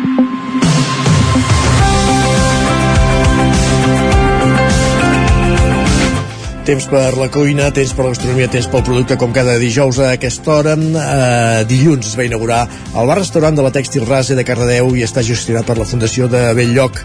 En té més detalls l'Enric Rubio, des de Ràdio Televisió Cardedeu. Enric. Com a bona banda de la gastronomia, aquesta secció sempre em fa il·lusió, però avui podríem dir que me'n fa una mica més de cada costum. I és que aquesta setmana, concretament dilluns a les 5 de la tarda, es va inaugurar la fàbrica, el flamant nou bar de la Tèxtil Race. La Tèxtil ja de per si, o més ben dir, la seva restauració i actualització, és una de les grans novetats a Cardedeu d'aquests últims anys. I tot i que ja està en funcionament i acull diversos esdeveniments i actes, el que estic segur que farà que moltes de les vilatanes la tinguin com a punt de trobada serà precisament aquest nou espai, la fàbrica. I no és un espai més, i és que està gestionat per la Fundació Viver de Belllloc, amb un projecte que fusiona gastronomia, territori i valor social, destinat a crear oportunitats laborals i formatives per a persones en risc d'exclusió. Així que avui volem parlar amb la seva coordinadora, una d'aquestes persones que d'aquí uns anys estic segur que inclús tindrà un gegantó a la vila i és que no hi ha qui no la conegui. Està i ha estat a tot arreu i els projectes dels quals en forma part sempre han tingut un deix especial de bona feina, humanitat i saber fer. Bon dia, Gemma Laborda. Quina il·lusió haver vingut a visitar-te en aquest espai tan nou i tan especial. Com estàs? Molt bé, i benvinguts vosaltres, que, bueno, ja ho sabeu, aquí a la fàbrica tothom hi és benvingut. I estarem molt sovint, molt sovint. De fet, jo hi vic molt al costat. A foc lent tracta sobre una recepta, però no podria no parlar de tot el que envolta la fàbrica, i és que és realment el boom d'aquesta setmana al poble. Sé que per tu no és novetat inaugurar un espai, però com han estat aquests dies? La veritat és que ha sigut molt, molt... Uh, bueno, ha sigut de voràgina, d'acord? Uh, hem entrat en un, en un ritme frenètic. Ja no només perquè obrir un espai gastronòmic, un restaurant, ja porta molta feina, sinó també uh, tot el que comporta. O sigui, des de Fundació Vive del Belllloc el que hem fet ha sigut agafar l'hostaleria, l'hem desmuntat, l'hem desgranat i a partir d'aquí hem creat uh, una nova hostaleria més pacificada i més adaptada i realment inclusiva.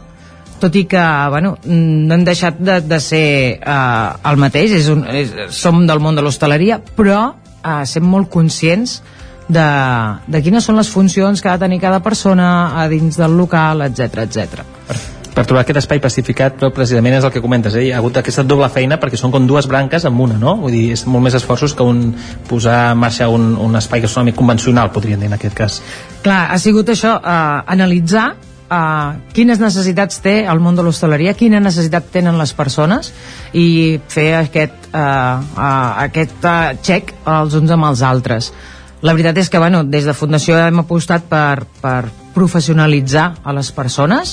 Eh, tenen una, una formació eh, prèvia d'hostaleria que encara l'estem fent, és continuada acabem el 22 de febrer on sortiran amb una acreditació. És un CPU, però eh, com hem comentat moltes vegades aquestes persones eh, si s'acrediten i arriben a terme que ho faran segur eh, tenen una acreditació que el 97% de cambrers potser de la vila no poden acreditar i ells ho tenen això és molt important i és que sempre estem parlant d'aquests temes però aquí tenim davant clarament els fets o sigui, aplicar-ho. Què significa per un poble com Cardeu tenir un espai així. Sovint he parlat amb la, meva, amb la meva parella sobre el fet que a Cardeu no hi ha un Ateneu, i evidentment això no ho és. Però sí que crec que pot tenir moltes similituds pel fet que s'hi trobarà gent de moltes entitats d'edats absolutament variades i de molts llocs i sectors diferents. Pot ser que estiguem davant d'un dels propers indrets de referència a nivell social i de, i de quedada no? a, a, la, a la vila? Una mica era la intenció. Uh, nosaltres volem ser porta, finestra, entrada, sortida de uh, connexió. O sigui, volem que la gent vingui i ser un nexe entre, entre cultura, entre la gent a peu del carrer, uh, gent, uh, bueno, gent diversa. El que volem ser és una mica aquesta, aquesta batedora que barregi tothom i per, per, per teixir aquestes relacions. Sí, sí. El, el nostre projecte uh, es basa en això.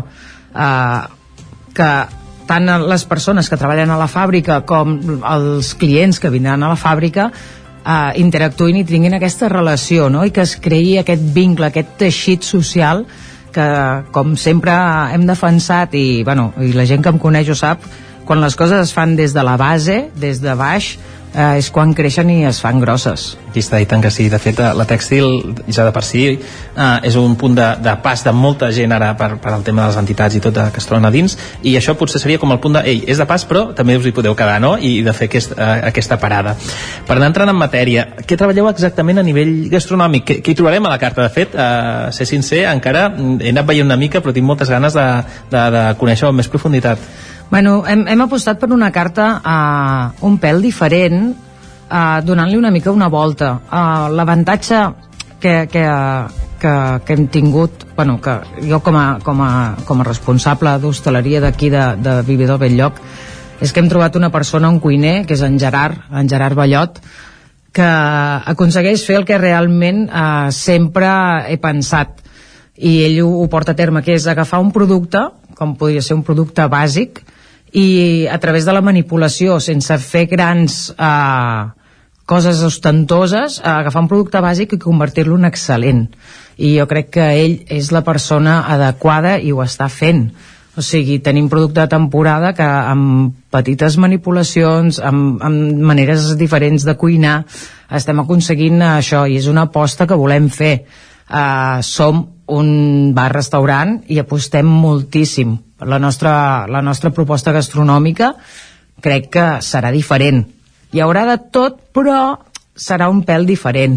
Menys, menys és més en molts aspectes de la vida i, i jo, eh, com a amant de la gastronomia, crec fermament que, que precisament la gastronomia és un d'aquests espais que menys és més i, i sobretot ben manipulat, com comentes. Avui pels oients de, de Foc Lent, uh, normalment sempre fem una recepta, avui ens direm més sobre el menú perquè és tan recent el lloc, de fet, estem inaugurant, com qui diu, a, a, encara, uh, està obert, evidentment, però em refereixo que fa molt poquet i parlem sobretot sobre el que podem trobar al menú i sobre aquest tipus de producte, no? Uh, té alguna algunes eh, influències, potser d'alguns països, o, o és més aviat cuina catalana? Què, què hi trobem? Què hi trobem? Podem trobar-hi de tot. Realment, eh, per exemple, aquesta setmana podem trobar unes mandonguilles de pollastre a la catalana, però després eh, també tenim eh, tocs orientals podem trobar eh, també aquest eh, cuina italiana Uh, aquesta setmana hem fet una pasta um, al pesto de pistacho saps, de festuc allò, el pesto de pistacchio no? que en diuen els italians apostem per coses així uh, realment que la gent pugui tastar diferents coses però el producte, o sigui, agafar el producte català d'aquí i convertir-lo en, en aquesta cuina internacional poder la base sigui producte d'aquí, proximitat, i en petits tocs doncs, reconvertir-lo i, i fer-lo pues, això atractiu i, i divertit i diferent i tant, entenc que aquesta, bueno, aquest procés creatiu no, de decidir quina cuina es farà en un espai, que sempre potser és com el més complex, no? Perquè abans d'obrir portes hi ha molta feina que la gent, que la gent no veu i és, i és aquests, aquests fonaments no? el que arriben a acabar conformant un espai. Un espai. Uh, entenc que hi has tingut bastant a veure doncs, a, a l'hora de decidir. Com ha estat aquest procés? Us veu posar tots d'acord de si ha de ser clarament aquesta línia o, o ha costat bastant arribar a aquest punt? Si et soc sincera, eh, tan bon punt em, em vaig posar en contacte amb en Gerard, eh, ell va fer la proposta. I jo crec que quan una persona fa una proposta i la fa convençuda és aquí on has d'apostar. O sigui, mm, segurament si hagués fet alguna proposta com, que, que no quadrés amb, amb, amb el meu tipus de S'haurien pactat línies i clar. O sigui, les línies vermelles s'haurien pactat, però és que uh, realment ell té una idea, una idea de gastronomia que és sorprenent. Uh, a mi m'agrada, saps? Et presenta coses que realment dius, ostres, saps? Uh, en la carta podem trobar una, una entrepà de coca amb uh, mortadela, mozzarella i pesto, que dius, què és això? Ho conec tot, però jo no ho he menjat mai. Exacte, Saps? O sigui, sí. dius, què és això? Hosti, és un entrepà típic italià. Sí. i dius, uah, i dius, ostres, uh, jo com a, com a, mira, això és un secret, però jo sóc amant de la mortadela, clar, vaig dir, confesso, ostres, també." que bé, saps? O sigui, s'ha atrevit a fer coses que uh, fora, for, fora dels formats habituals. donar valor a, a productes humils que al cap i a la fi després són productes que, molt estimats per tothom no? en aquest cas, bé jo, jo vull quedar dint aquí, ja t'ho dic, t'ho confesso vull, vull provar-ho, Home, ja sé que tinc casa molt a prop però vull provar igualment uh, i ja per anar acabant, Gemma uh, com ha estat aquesta, uh, aquesta apro- aproximació tan, tan contundent de la gastronomia des de la Fundació, no? com s'ha rebut uh, com, com, com ho han viscut i com ho estan vivint perquè és, és just l'inici Mira, eh, vam inaugurar dilluns, o sigui, mm, acabem de néixer, encara estem... Naixent gairebé, O sí. sigui, estem naixent, estem amb prou feines, hem obert els ulls, i la veritat és que ha estat molt bé. A veure, uh, dins de la Fundació és una línia totalment nova, que ja havíem tocat una mica, uh, perquè uh, la cantina del Pla Marcell la portem també des de Viver, el que passa que és un menú bàsic de- d'escola, de, però bueno... Uh, no la part tan gastronòmica Clar, exacte, no, no tenen aquesta part tan gastronòmica. I realment uh, o sigui, notem que uh, tothom està com molt obert a tot el que estem fent. També és veritat que uh, l'hostaleria és un món molt salvatge i el que has de fer és uh, intentar que la gent se l'estimi. Uh, i persones com crec que treballem allà com en Gerard com en Jordi, que és el cap de sala, o com jo, són persones que ens agrada eh, aquest món. I el món de l'hostaleria eh, creiem que ben portat el pots estimar moltíssim. I és una mica la idea que volem, no? que, que els nois eh, estimin aquest món, que es professionalitzin i que puguin sortir a, a fora i que puguin explicar i que puguin eh, tenir aquesta passió que tenim nosaltres. I tant que jo sí. crec que ho han agafat molt bé, o sigui, estan molt il·lusionats, des de Fundació també, però bueno, uh, no ens volem xerbotar com el cava, sinó que mica en mica hem d'anar reposats i avançant mica en mica i anar creixent, perquè ja no és només uh, que des, dins de la Fundació és un món nou, sinó que també dins de, de lo que és uh, l'espai on estem també és un món nou. Uh, no hi havia hagut cap restaurant, no hi havia cap tipus d'antecedent i hem de saber per on anem. tot és l'inici, no hi ha uns vestigis d'aquí de... Clar, no, no tenim un històric, no tenim absolutament res. Ens hem tirat en una piscina i no sabem si l'aigua està freda, si està calenta, si hi ha aigua o no n'hi ha. Sí, sí, fa, fa dos mesos que hi ha els arbres plantats davant, o sigui, és que esteu allà mateix. I és això, no? I, bueno, i mm, tenim ganes d'això, de començar a interactuar, que la gent ens tracti amb carinyo igual que nosaltres els tractarem en ells amb, amb carinyo. I tant que sí, i ara sí, ja, última cosa, horaris i dies, que la gent que ens escolti pugui venir. Val, tenim un horari eh, que és dimarts, dimecres i dijous, de 12 del migdia a 8 del vespre, on aquí incidim, on la gent pugui venir a fer el menú i veure aquesta mostra gastronòmica que, que volem fer, i després aquest punt de trobada, poder fer un cafè o fer una cervesa, etc. I després ja eh, divendres i dissabte obrim a les 12 del migdia i tancarem a les 11 de la nit. Fantàstic. Per ja tenir aquí un horari el més real i poder posar realment les persones en, en un ambient real. I tant, i tant. Doncs Gemma, escolta, moltíssimes gràcies. Uh, fa molta il·lusió haver pogut venir aquí i haver parlat amb tu i com a cardeuenc també tenia aquest espai nou que en teníem moltíssimes uh, ganes.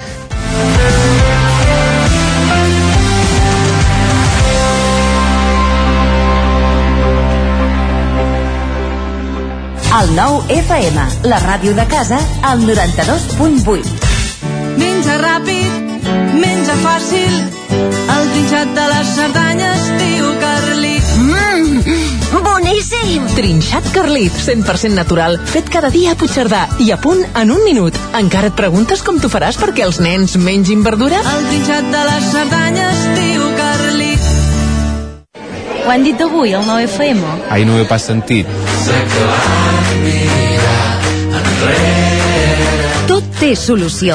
Recupera programes, seccions i entrevistes del 9FM al 9fm.cat. Des de ben petit tindre un somni que és obrir un restaurant. Han sortit moltíssims llibres. Et demanen dades que, per altra banda, l'administració ja hauria de tenir. I ja no com a ramadera, sinó com a ciutadans. Nosaltres intentem que tothom pugui marxar amb un croissant. I trobaràs també tots els nostres podcasts. L'infopodcast del 9-9, cada matí a partir de dos quarts de vuit. I comencem parlant d'un tema punyent. Persones que passen per moments de gran dolor. L'infopodcast del 9-9. La lupa d'Agustí Danés cada divendres.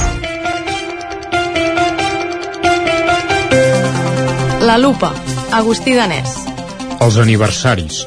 Cada vegada vivim més anys i cada vegada hi ha menys naixements. La combinació d'aquestes dues evidències distorsiona la piràmide d'edat.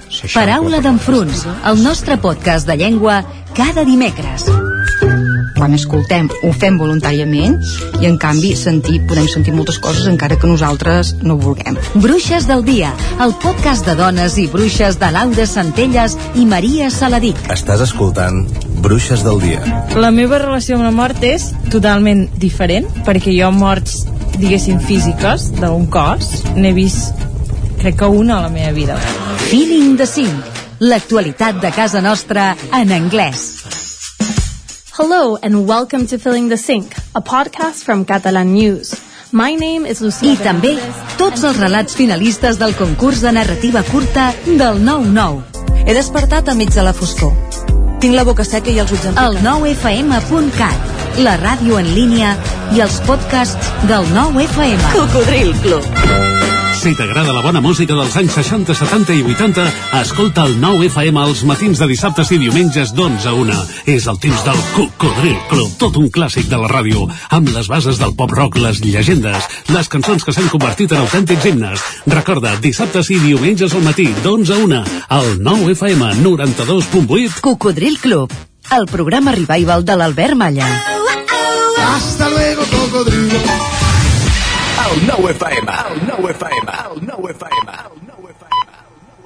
Clavats, dos quarts d'onze, al territori 17. I a dos quarts d'onze cada matí aquí al territori 17 és moment de saludar en Guillem Sánchez aquí ja saludem, valgui la redundància benvingut Guillem, bon dia Què tal? Com estem, Isaac? Bé, i tu? Doncs mira, aquí, aguantant. Després del partit d'ahir, aguantant. Aguantant el tipus, sí, sí. Aguantant el tipus, com la gent també per xarxes, que avui estava... Mira, no sé si dir entre enfadada i orgullosa. Jo potser ho diria així. Tot i que penso que una derrota mai s'ha de celebrar, eh? Llegim a gent, com per exemple... Si més no, en els últims partits s'ha vist un canvi d'actitud a l'equip. Va, no? t'ho compro, t'ho compro. Però seguim perdent, que això... Parlem això... del Barça, de fet, no? Perquè també podem parlar del Girona, eh? I tant. Entesos. Va, llegim en Jaume, que ens diu jugar-te la va més amb la min fort i cobercís bastant més important que guanyar o perdre una Copa del Rei.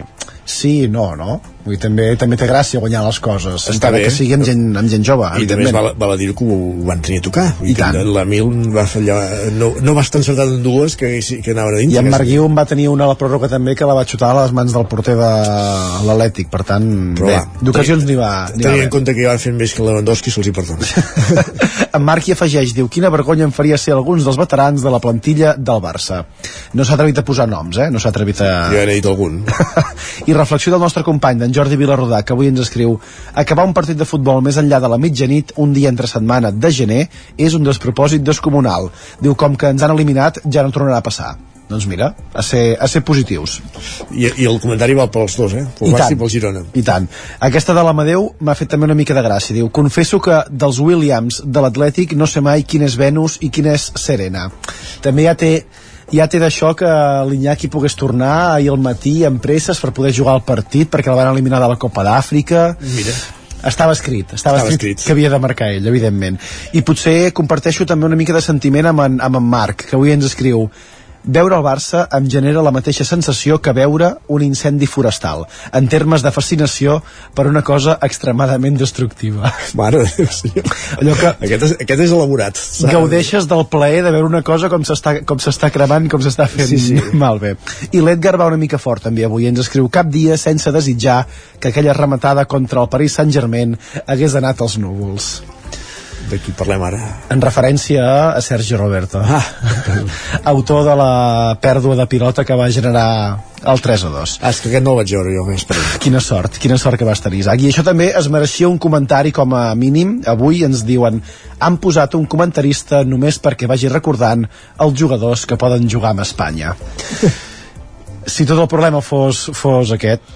Exacte. Però va, hi ha vida més enllà del futbol, no, Ui, Isaac? tant, mare de Déu. En Joel s'ha vist sorprès aquests dies per la clarividència d'algunes persones del seu entorn i ens ho eh, explica aquí a través de, de X. Ens diu, amb la calor primaveral d'aquests dies començarà a florir tot, llavors una glaçada tardana ho matarà tot i a sobre no podrem dutxar-nos. La vida de merda que ens espera. Diu, el gimnàs on vaig és una font de frases cèlebres.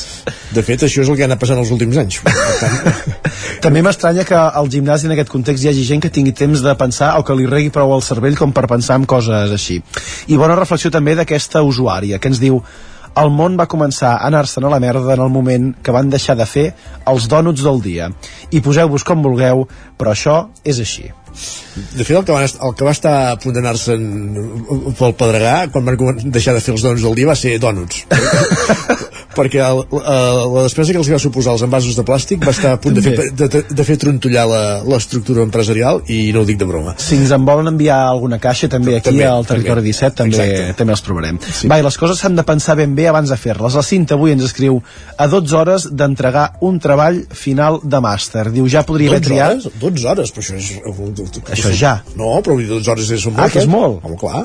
Ens diu, ja podria haver triat un tema més fàcil, eh? No ens diu quin tema per Exacte. això ha triat, eh? Però clar, aquestes coses... mm, Va, i avui ens toca també felicitar a l'Alba que ens escriu M'acabo de comprar el meu primer cotxe i no sabeu lo feliç i orgullosa que estic. M'ha costat moltíssim poder estalviar estudiant a sobre per l'oposició i treballant els caps de setmana. Dic, però quina I, vida i, tenia. I, I la cosa més difícil de totes, que no esmenta, decidir quin cotxe vols. Ostres, clar. bueno, entre ja no només marques, sinó també si ha de ser gasolines... exacte, sí. Va, i com a última piulada... Cre- tipus de finançament o, perquè ara ja no te'l deixen pagar al comptat eh? et surt més car pagar-lo al comptat ara que, que, per tant, que, que finançar-lo és, és, és escandalós sigueu, tot plegat. sigueu morosos, sigueu morosos. Va, i com a última piulada de la secció d'aquesta setmana, un missatge d'allò més positiu. Les ganes que tinc d'anar a viure a un poble mig desert i només parlar amb la gent gran, els gats i les flors no les sap ningú. bueno, el que sí que fem són molts els que també ens agradaria afegir-nos a, la, a la iniciativa Isaac, ens escoltem Moltes demà, gràcies. no? Uh, demà esports. Doncs va, I fins dilluns demà. més piulades. Perfecte, va, que, que vagi molt bé. Adéu-siau. I nosaltres que avancem al territori 17, després de les piulades serà moment d'anar al cinema.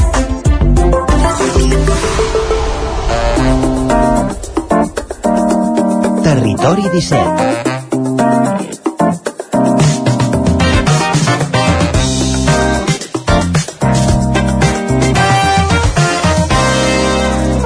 5 minuts i mig que passen de dos quarts d'onze del matí, ja sabeu que el territori 17 en el cinema vol dir traslladar-nos fins a la veu de Sant Joan, allà ens esperen en Joan Garcia i en Gerard Fosses per acostar-nos quines són les estrenes, les cartelleres de casa nostra aquest cap de setmana i també les estrenes eh, en general, que ho un cop d'ull a l'actualitat cinematogràfica la setmana que s'han conegut també les nominacions als Oscars. Joan Garcia, Gerard Fosses, cap a la veu de Sant Joan.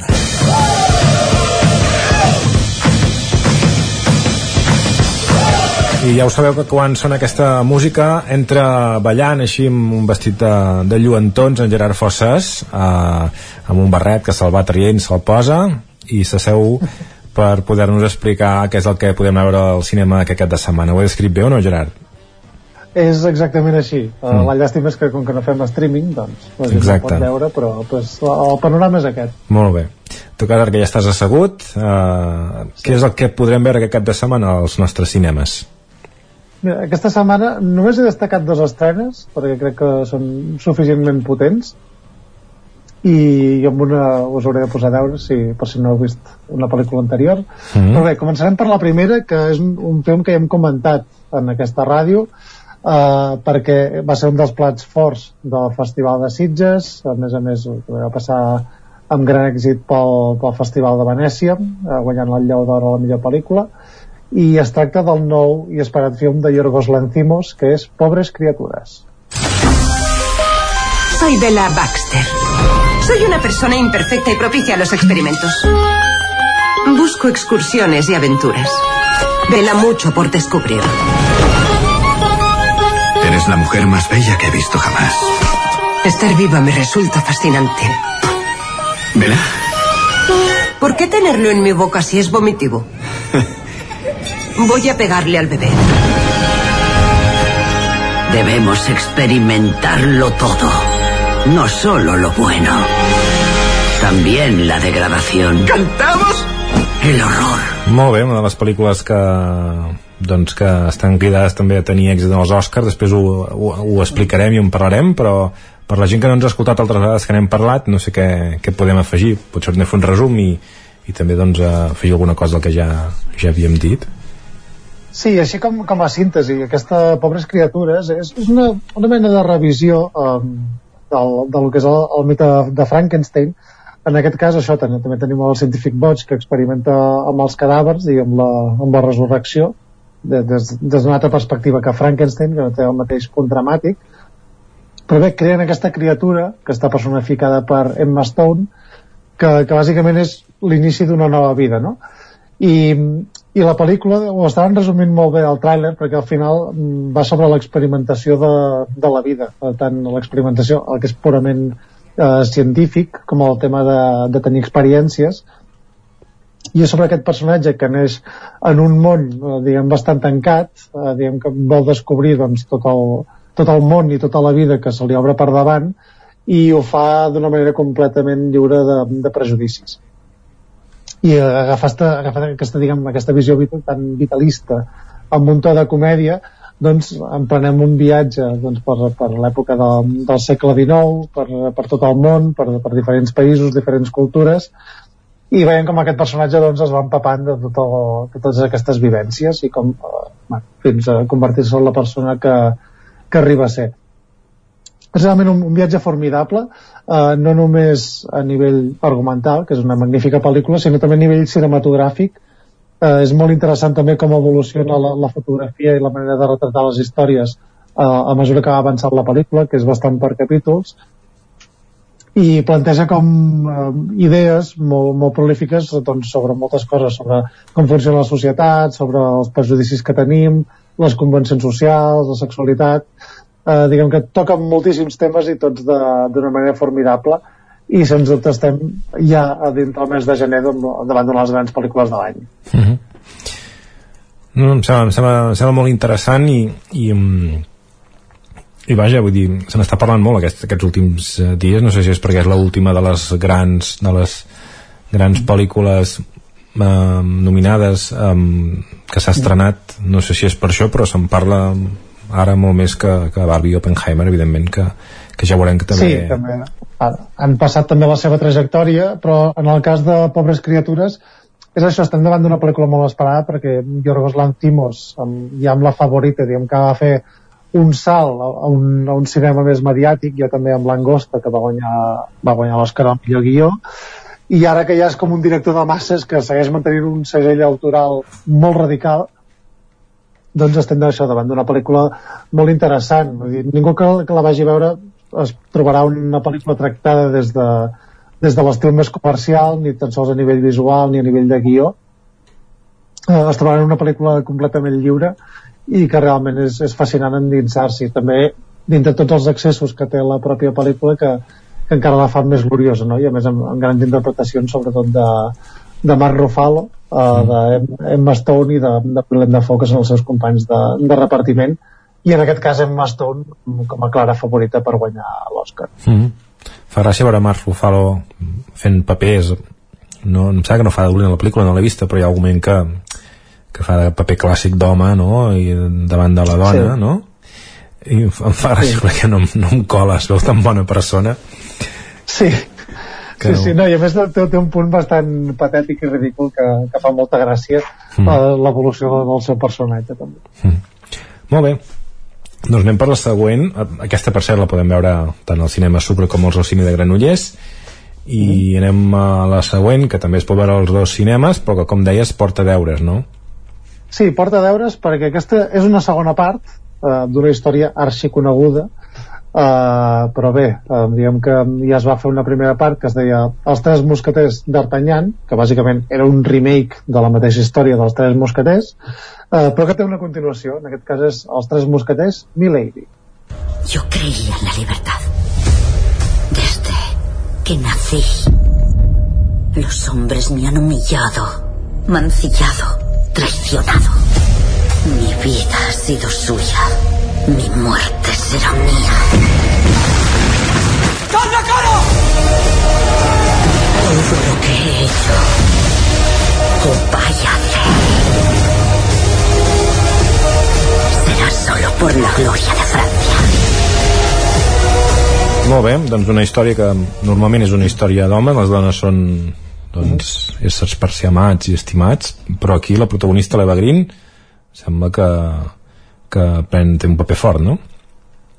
Sí, exacte. Bueno, de fet, hi ha, hi ha aquest personatge també clàssic dels Tres Mosqueters, que apareix també totes les pel·lícules que s'han fet, que és aquest, aquesta Milady de Winter, que és com una assassina, lladra, eh, conspiradora, que, que bé, té aquesta relació intrincada també amb D'Artagnan i, i bé, que, diguem que es dedica a manipular diferents estaments de poder uh, aquesta segona part de la pel·lícula l'han volgut centrar molt en, en aquest personatge la primera part, la titulada D'Artagnan explica la història dels tres mosqueters que, que s'ha vist sempre al cinema, que és bueno, com D'Artagnan arriba a la ciutat, a tot el cos de mosqueters eh, i diguem, aturar una, una conspiració que va portar a la guerra entre, entre França i Anglaterra. Però hi ha aquesta continuació, perquè recordem que, que la novel·la, publicada en el seu moment per capítols, és, és un totxo bastant gros, i hi ha tota aquesta segona part que és molt més intrincada, molt més política, i que té més a veure amb el conflicte polític entre França i, i Anglaterra, i diguem que situat en aquest territori agafem ja com a protagonista eh, aquesta Milady, que és aquest personatge que està al mig de tot, que sembla que, que ha perdut qualsevol valor i que només busca el seu benefici. I és també això una història de, de rebel·lió, una història de, de redempció. I a més a més amb un tipus de pel·lícula que és, estat diguem, feta dintre dels estàndards eh, de, de lo que és el, el cinema d'acció d'entreteniment actuals. És una gran aposta de França per convertir diguem, un producte nacional molt potent en, en una superproducció com no s'havia fet fins ara. I a més a més amb gran èxit perquè la, la, primera, està, la primera part estava molt i molt bé rodada això amb uns grans escenes d'acció tot plegat.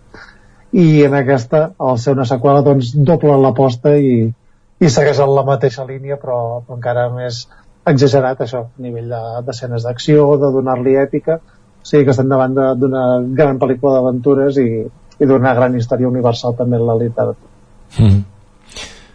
Molt bé pel·lícula que també podem veure als dos cinemes i ara si vols poso una música dient per, per canviar de tema? Per favor.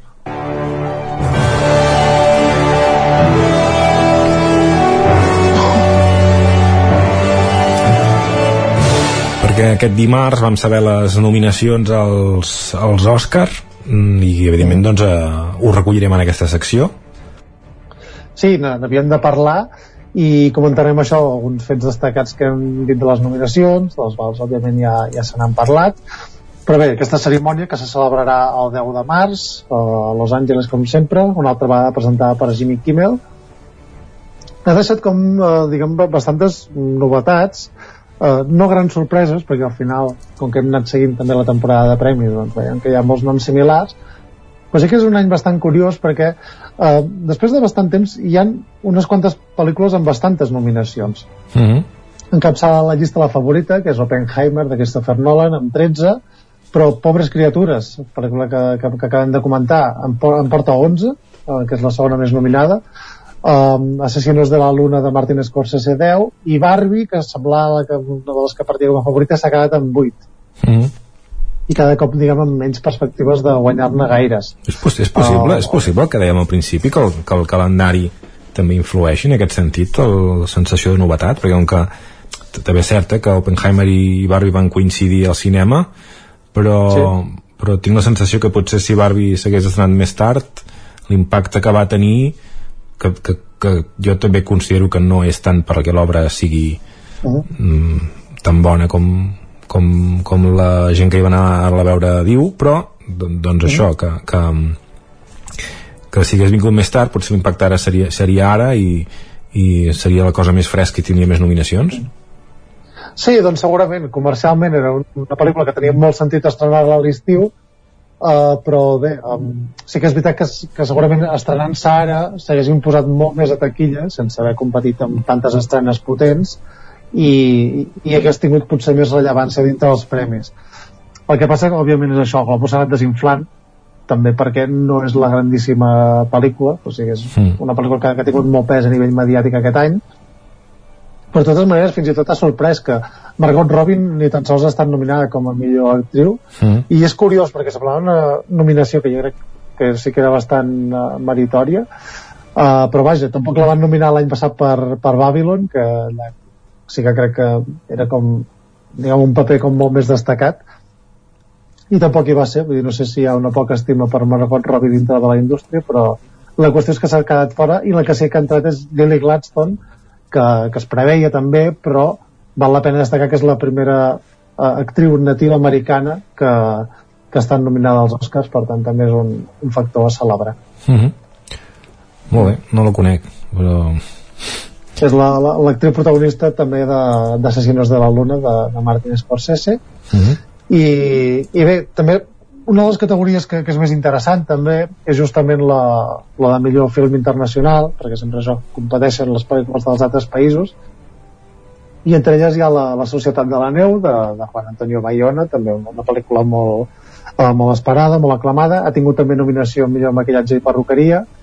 Uh, em va fer gràcia perquè TV3 va destacar aquesta nominació d'un film d'un director català uh, oblidant-se completament de que Francisco Veleta uh, també director català ha estat dos vegades nominat a l'Oscar amb les seves pel·lícules i, als anys 60 i sembla que, que no, ens, no ens n'havíem recordat amb Los Tarantos i amb Amor Brujo. Mm -hmm. però bé, uh, Juan Antonio Bayona diguem que ha igualat eh, que, bueno, no, igualat no, perquè és la seva primera nominació com a pel·lícula de parlant anglesa.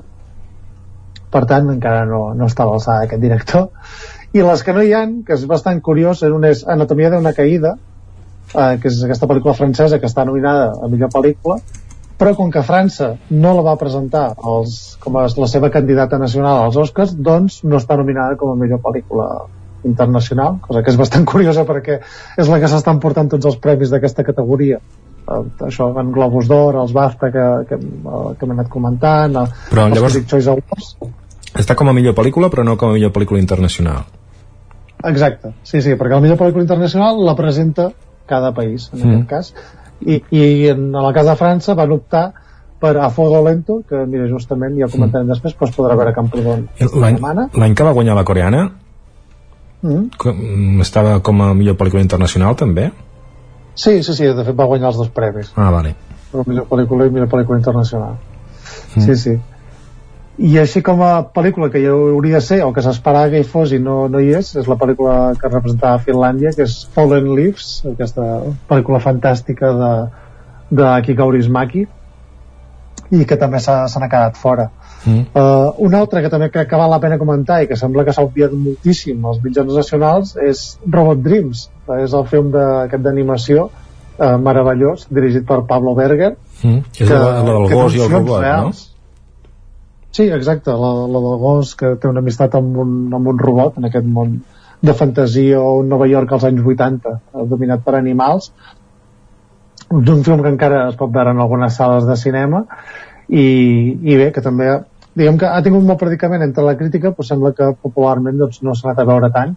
I a veure si aquestes opcions de guanyar l'Oscar i si realment el guanya perquè és això, competeix sobretot amb el Chico de la Garza de, de Miyazaki però diguem que té opcions de, de guanyar doncs a veure com, com li va perquè realment és una grandíssima pel·lícula i com no passa tan sovint però aquesta vegada sí crec que la, la categories, les categories més disputades seran les de guió original i guió adaptat on realment hi ha bastant bon nivell, els premis han estat molt repartits però bé, ja, ja entrarem més en detalls quan, quan fem la, la nostra quiniela que, que sempre la fem Mm.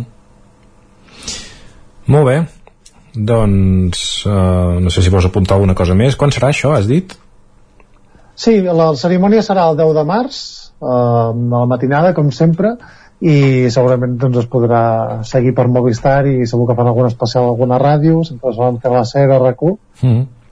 per tant aquell dia es desvetllarà si Christopher Nolan no, finalment arriba a l'Olim de, de guanyar un Oscar de, després d'haver estat moltes vegades nominat però, però sense acabar de guanyar mai Mm. Um, dir també que suposo que ara moltes de les pel·lícules tornaran a, a ser a cinemes les que encara ja, bueno, les, les que no s'havien ja s'havien estrenat feia temps. Um, mm. i que algunes ja es poden veure també per, per plataformes. Per exemple Anatomia d'una caïda està, està filmint. Sí, està a Filmin, Oppenheimer crec que també es pot veure ja en, en alguna plataforma, uh, Barbie també, uh, i Assassinos de la Luna crec que encara no, però, però Sí. vaja, estan ja totes bastant a, a disposició. Molt bé, com que no tenim gaire temps, anirem molt ràpid amb la resta de la cartellera. Uh, Endavant. el cinema comptable Ripoll, Fallen Leaves, precisament, la que parlàvem, La Trenza i Aquaman, Reino Perdido. Potser explica'ns una mica de La Trenza, que, que la resta ja les coneixem. Sí, aquesta és una pel·lícula francesa que són històries de mare i filla de diferents punts del món. Eh, És un, un film així que intenta ser molt coral que, que parla de les relacions materno-filials. Uh -huh. El casal Camprodoní a Fuego Lento. que és justament la pel·lícula que, que presentava França pels Oscars i bàsicament és també una celebració de la vida a través de, de la cuina. Uh -huh. uh, Ribes em sembla que fan, fan òpera, potser, o... Sí, és un, un concert eh, així de, de clàssica d'un tenor que és uh, Juan Diego Flórez, per tant, no és cinema en aquest cas. Uh -huh. A l'Esbarjo de Cardedeu, el libro de las soluciones y la ciudad no es para mí. Sí, una programació bastant eclèctica. El Libro de les Solucions és el nou film de, de Michel Gondry, que parla sobre la crisi creativa del, del cineasta, en to de comèdia i, i fantasia, molt a dintre del seu estil. I La ciutat no és per a mi és un, un, un clàssic espanyol, una pel·lícula de l'any 66 protagonitzada per, per Paco Martínez Soria, que ja és un gènere en si mateix. El cinema L'Ambra de la Garriga ho aposten tot a pobres criatures, a l'Alter de Torelló no hi ha res, el casal de Gràcia de Manlleu criatura, criatura Sí, exacte, dintre del també del cicle Gaudí, mm. el que està corrent ara. el Cineclub de Vic, el Drac del Pare, això és el Cineclub Xic, Sí, dintre del Cineclub Xic aquest eh, diumenge. El dimarts, eh, sessió a l'Atlàntida amb el Caftan Blau, també una pel·lícula francesa-marroquina que parla sobre l'homosexualitat al, Marroc, una pel·lícula molt, molt bonica també. I hi ha com una sessió especial el, el dijous eh, de la setmana vinent, que està dintre de, del True Forum, eh, i es fa una sessió de cinema amb una pel·lícula que justament això, es diu The Truffle Hunters, que són els, els buscadors de, els cercadors de trufes. mm. Totes tres l'Atlàntida, eh? Uh, no, el, perquè com que està l'ETC 5 mitja en obres és el Xic, aquest diumenge es fa a l'ETC, dimarts al Cineclub normal, diguem, a l'Atlàntida, i el dijous al Trufòrum també a l'ETC. Molt bé. I després a partir d'aquí ja creiem que sempre s'ha d'ETC. Molt bé. Doncs escolta, fins la setmana vinent. Moltíssimes gràcies. Vinga, fins la setmana que ve. Adéu-siau. Territori 17 I del cinema completem l'estona de ficció del Territori 17 amb una recomanació de sèries que ens fa com cada setmana l'Isaac muntades. Cap on anem avui, Isaac? Bon dia, mira, doncs avui mirarem una...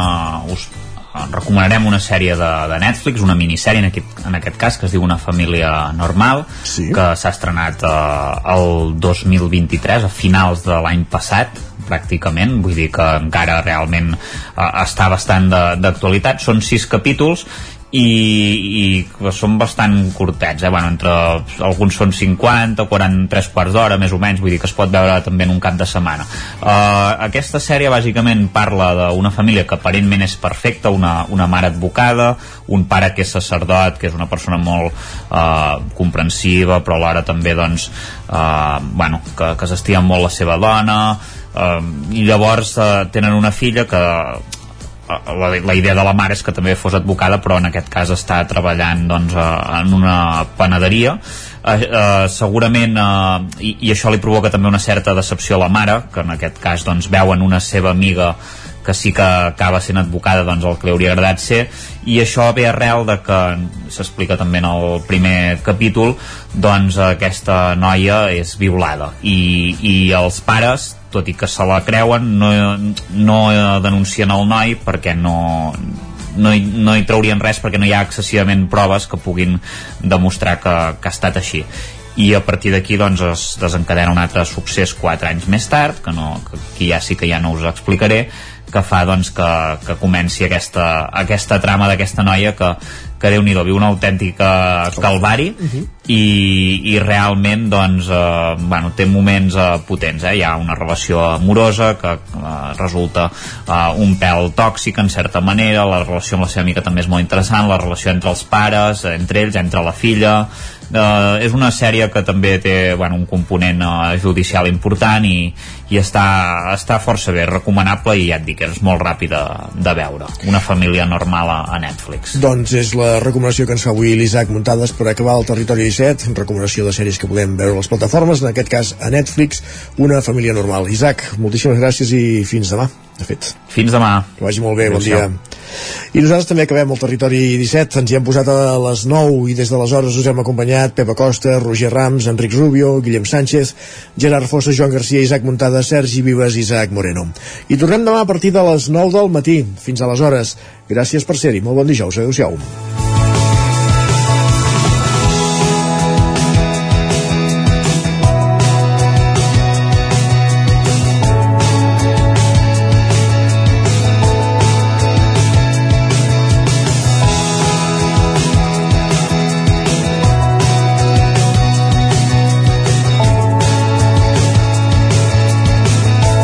Territori 17, un magazín del nou FM, Ona Codinenca, Ràdio Cardedeu, Ràdio Vic i La Veu de Sant Joan, amb el suport de la xarxa.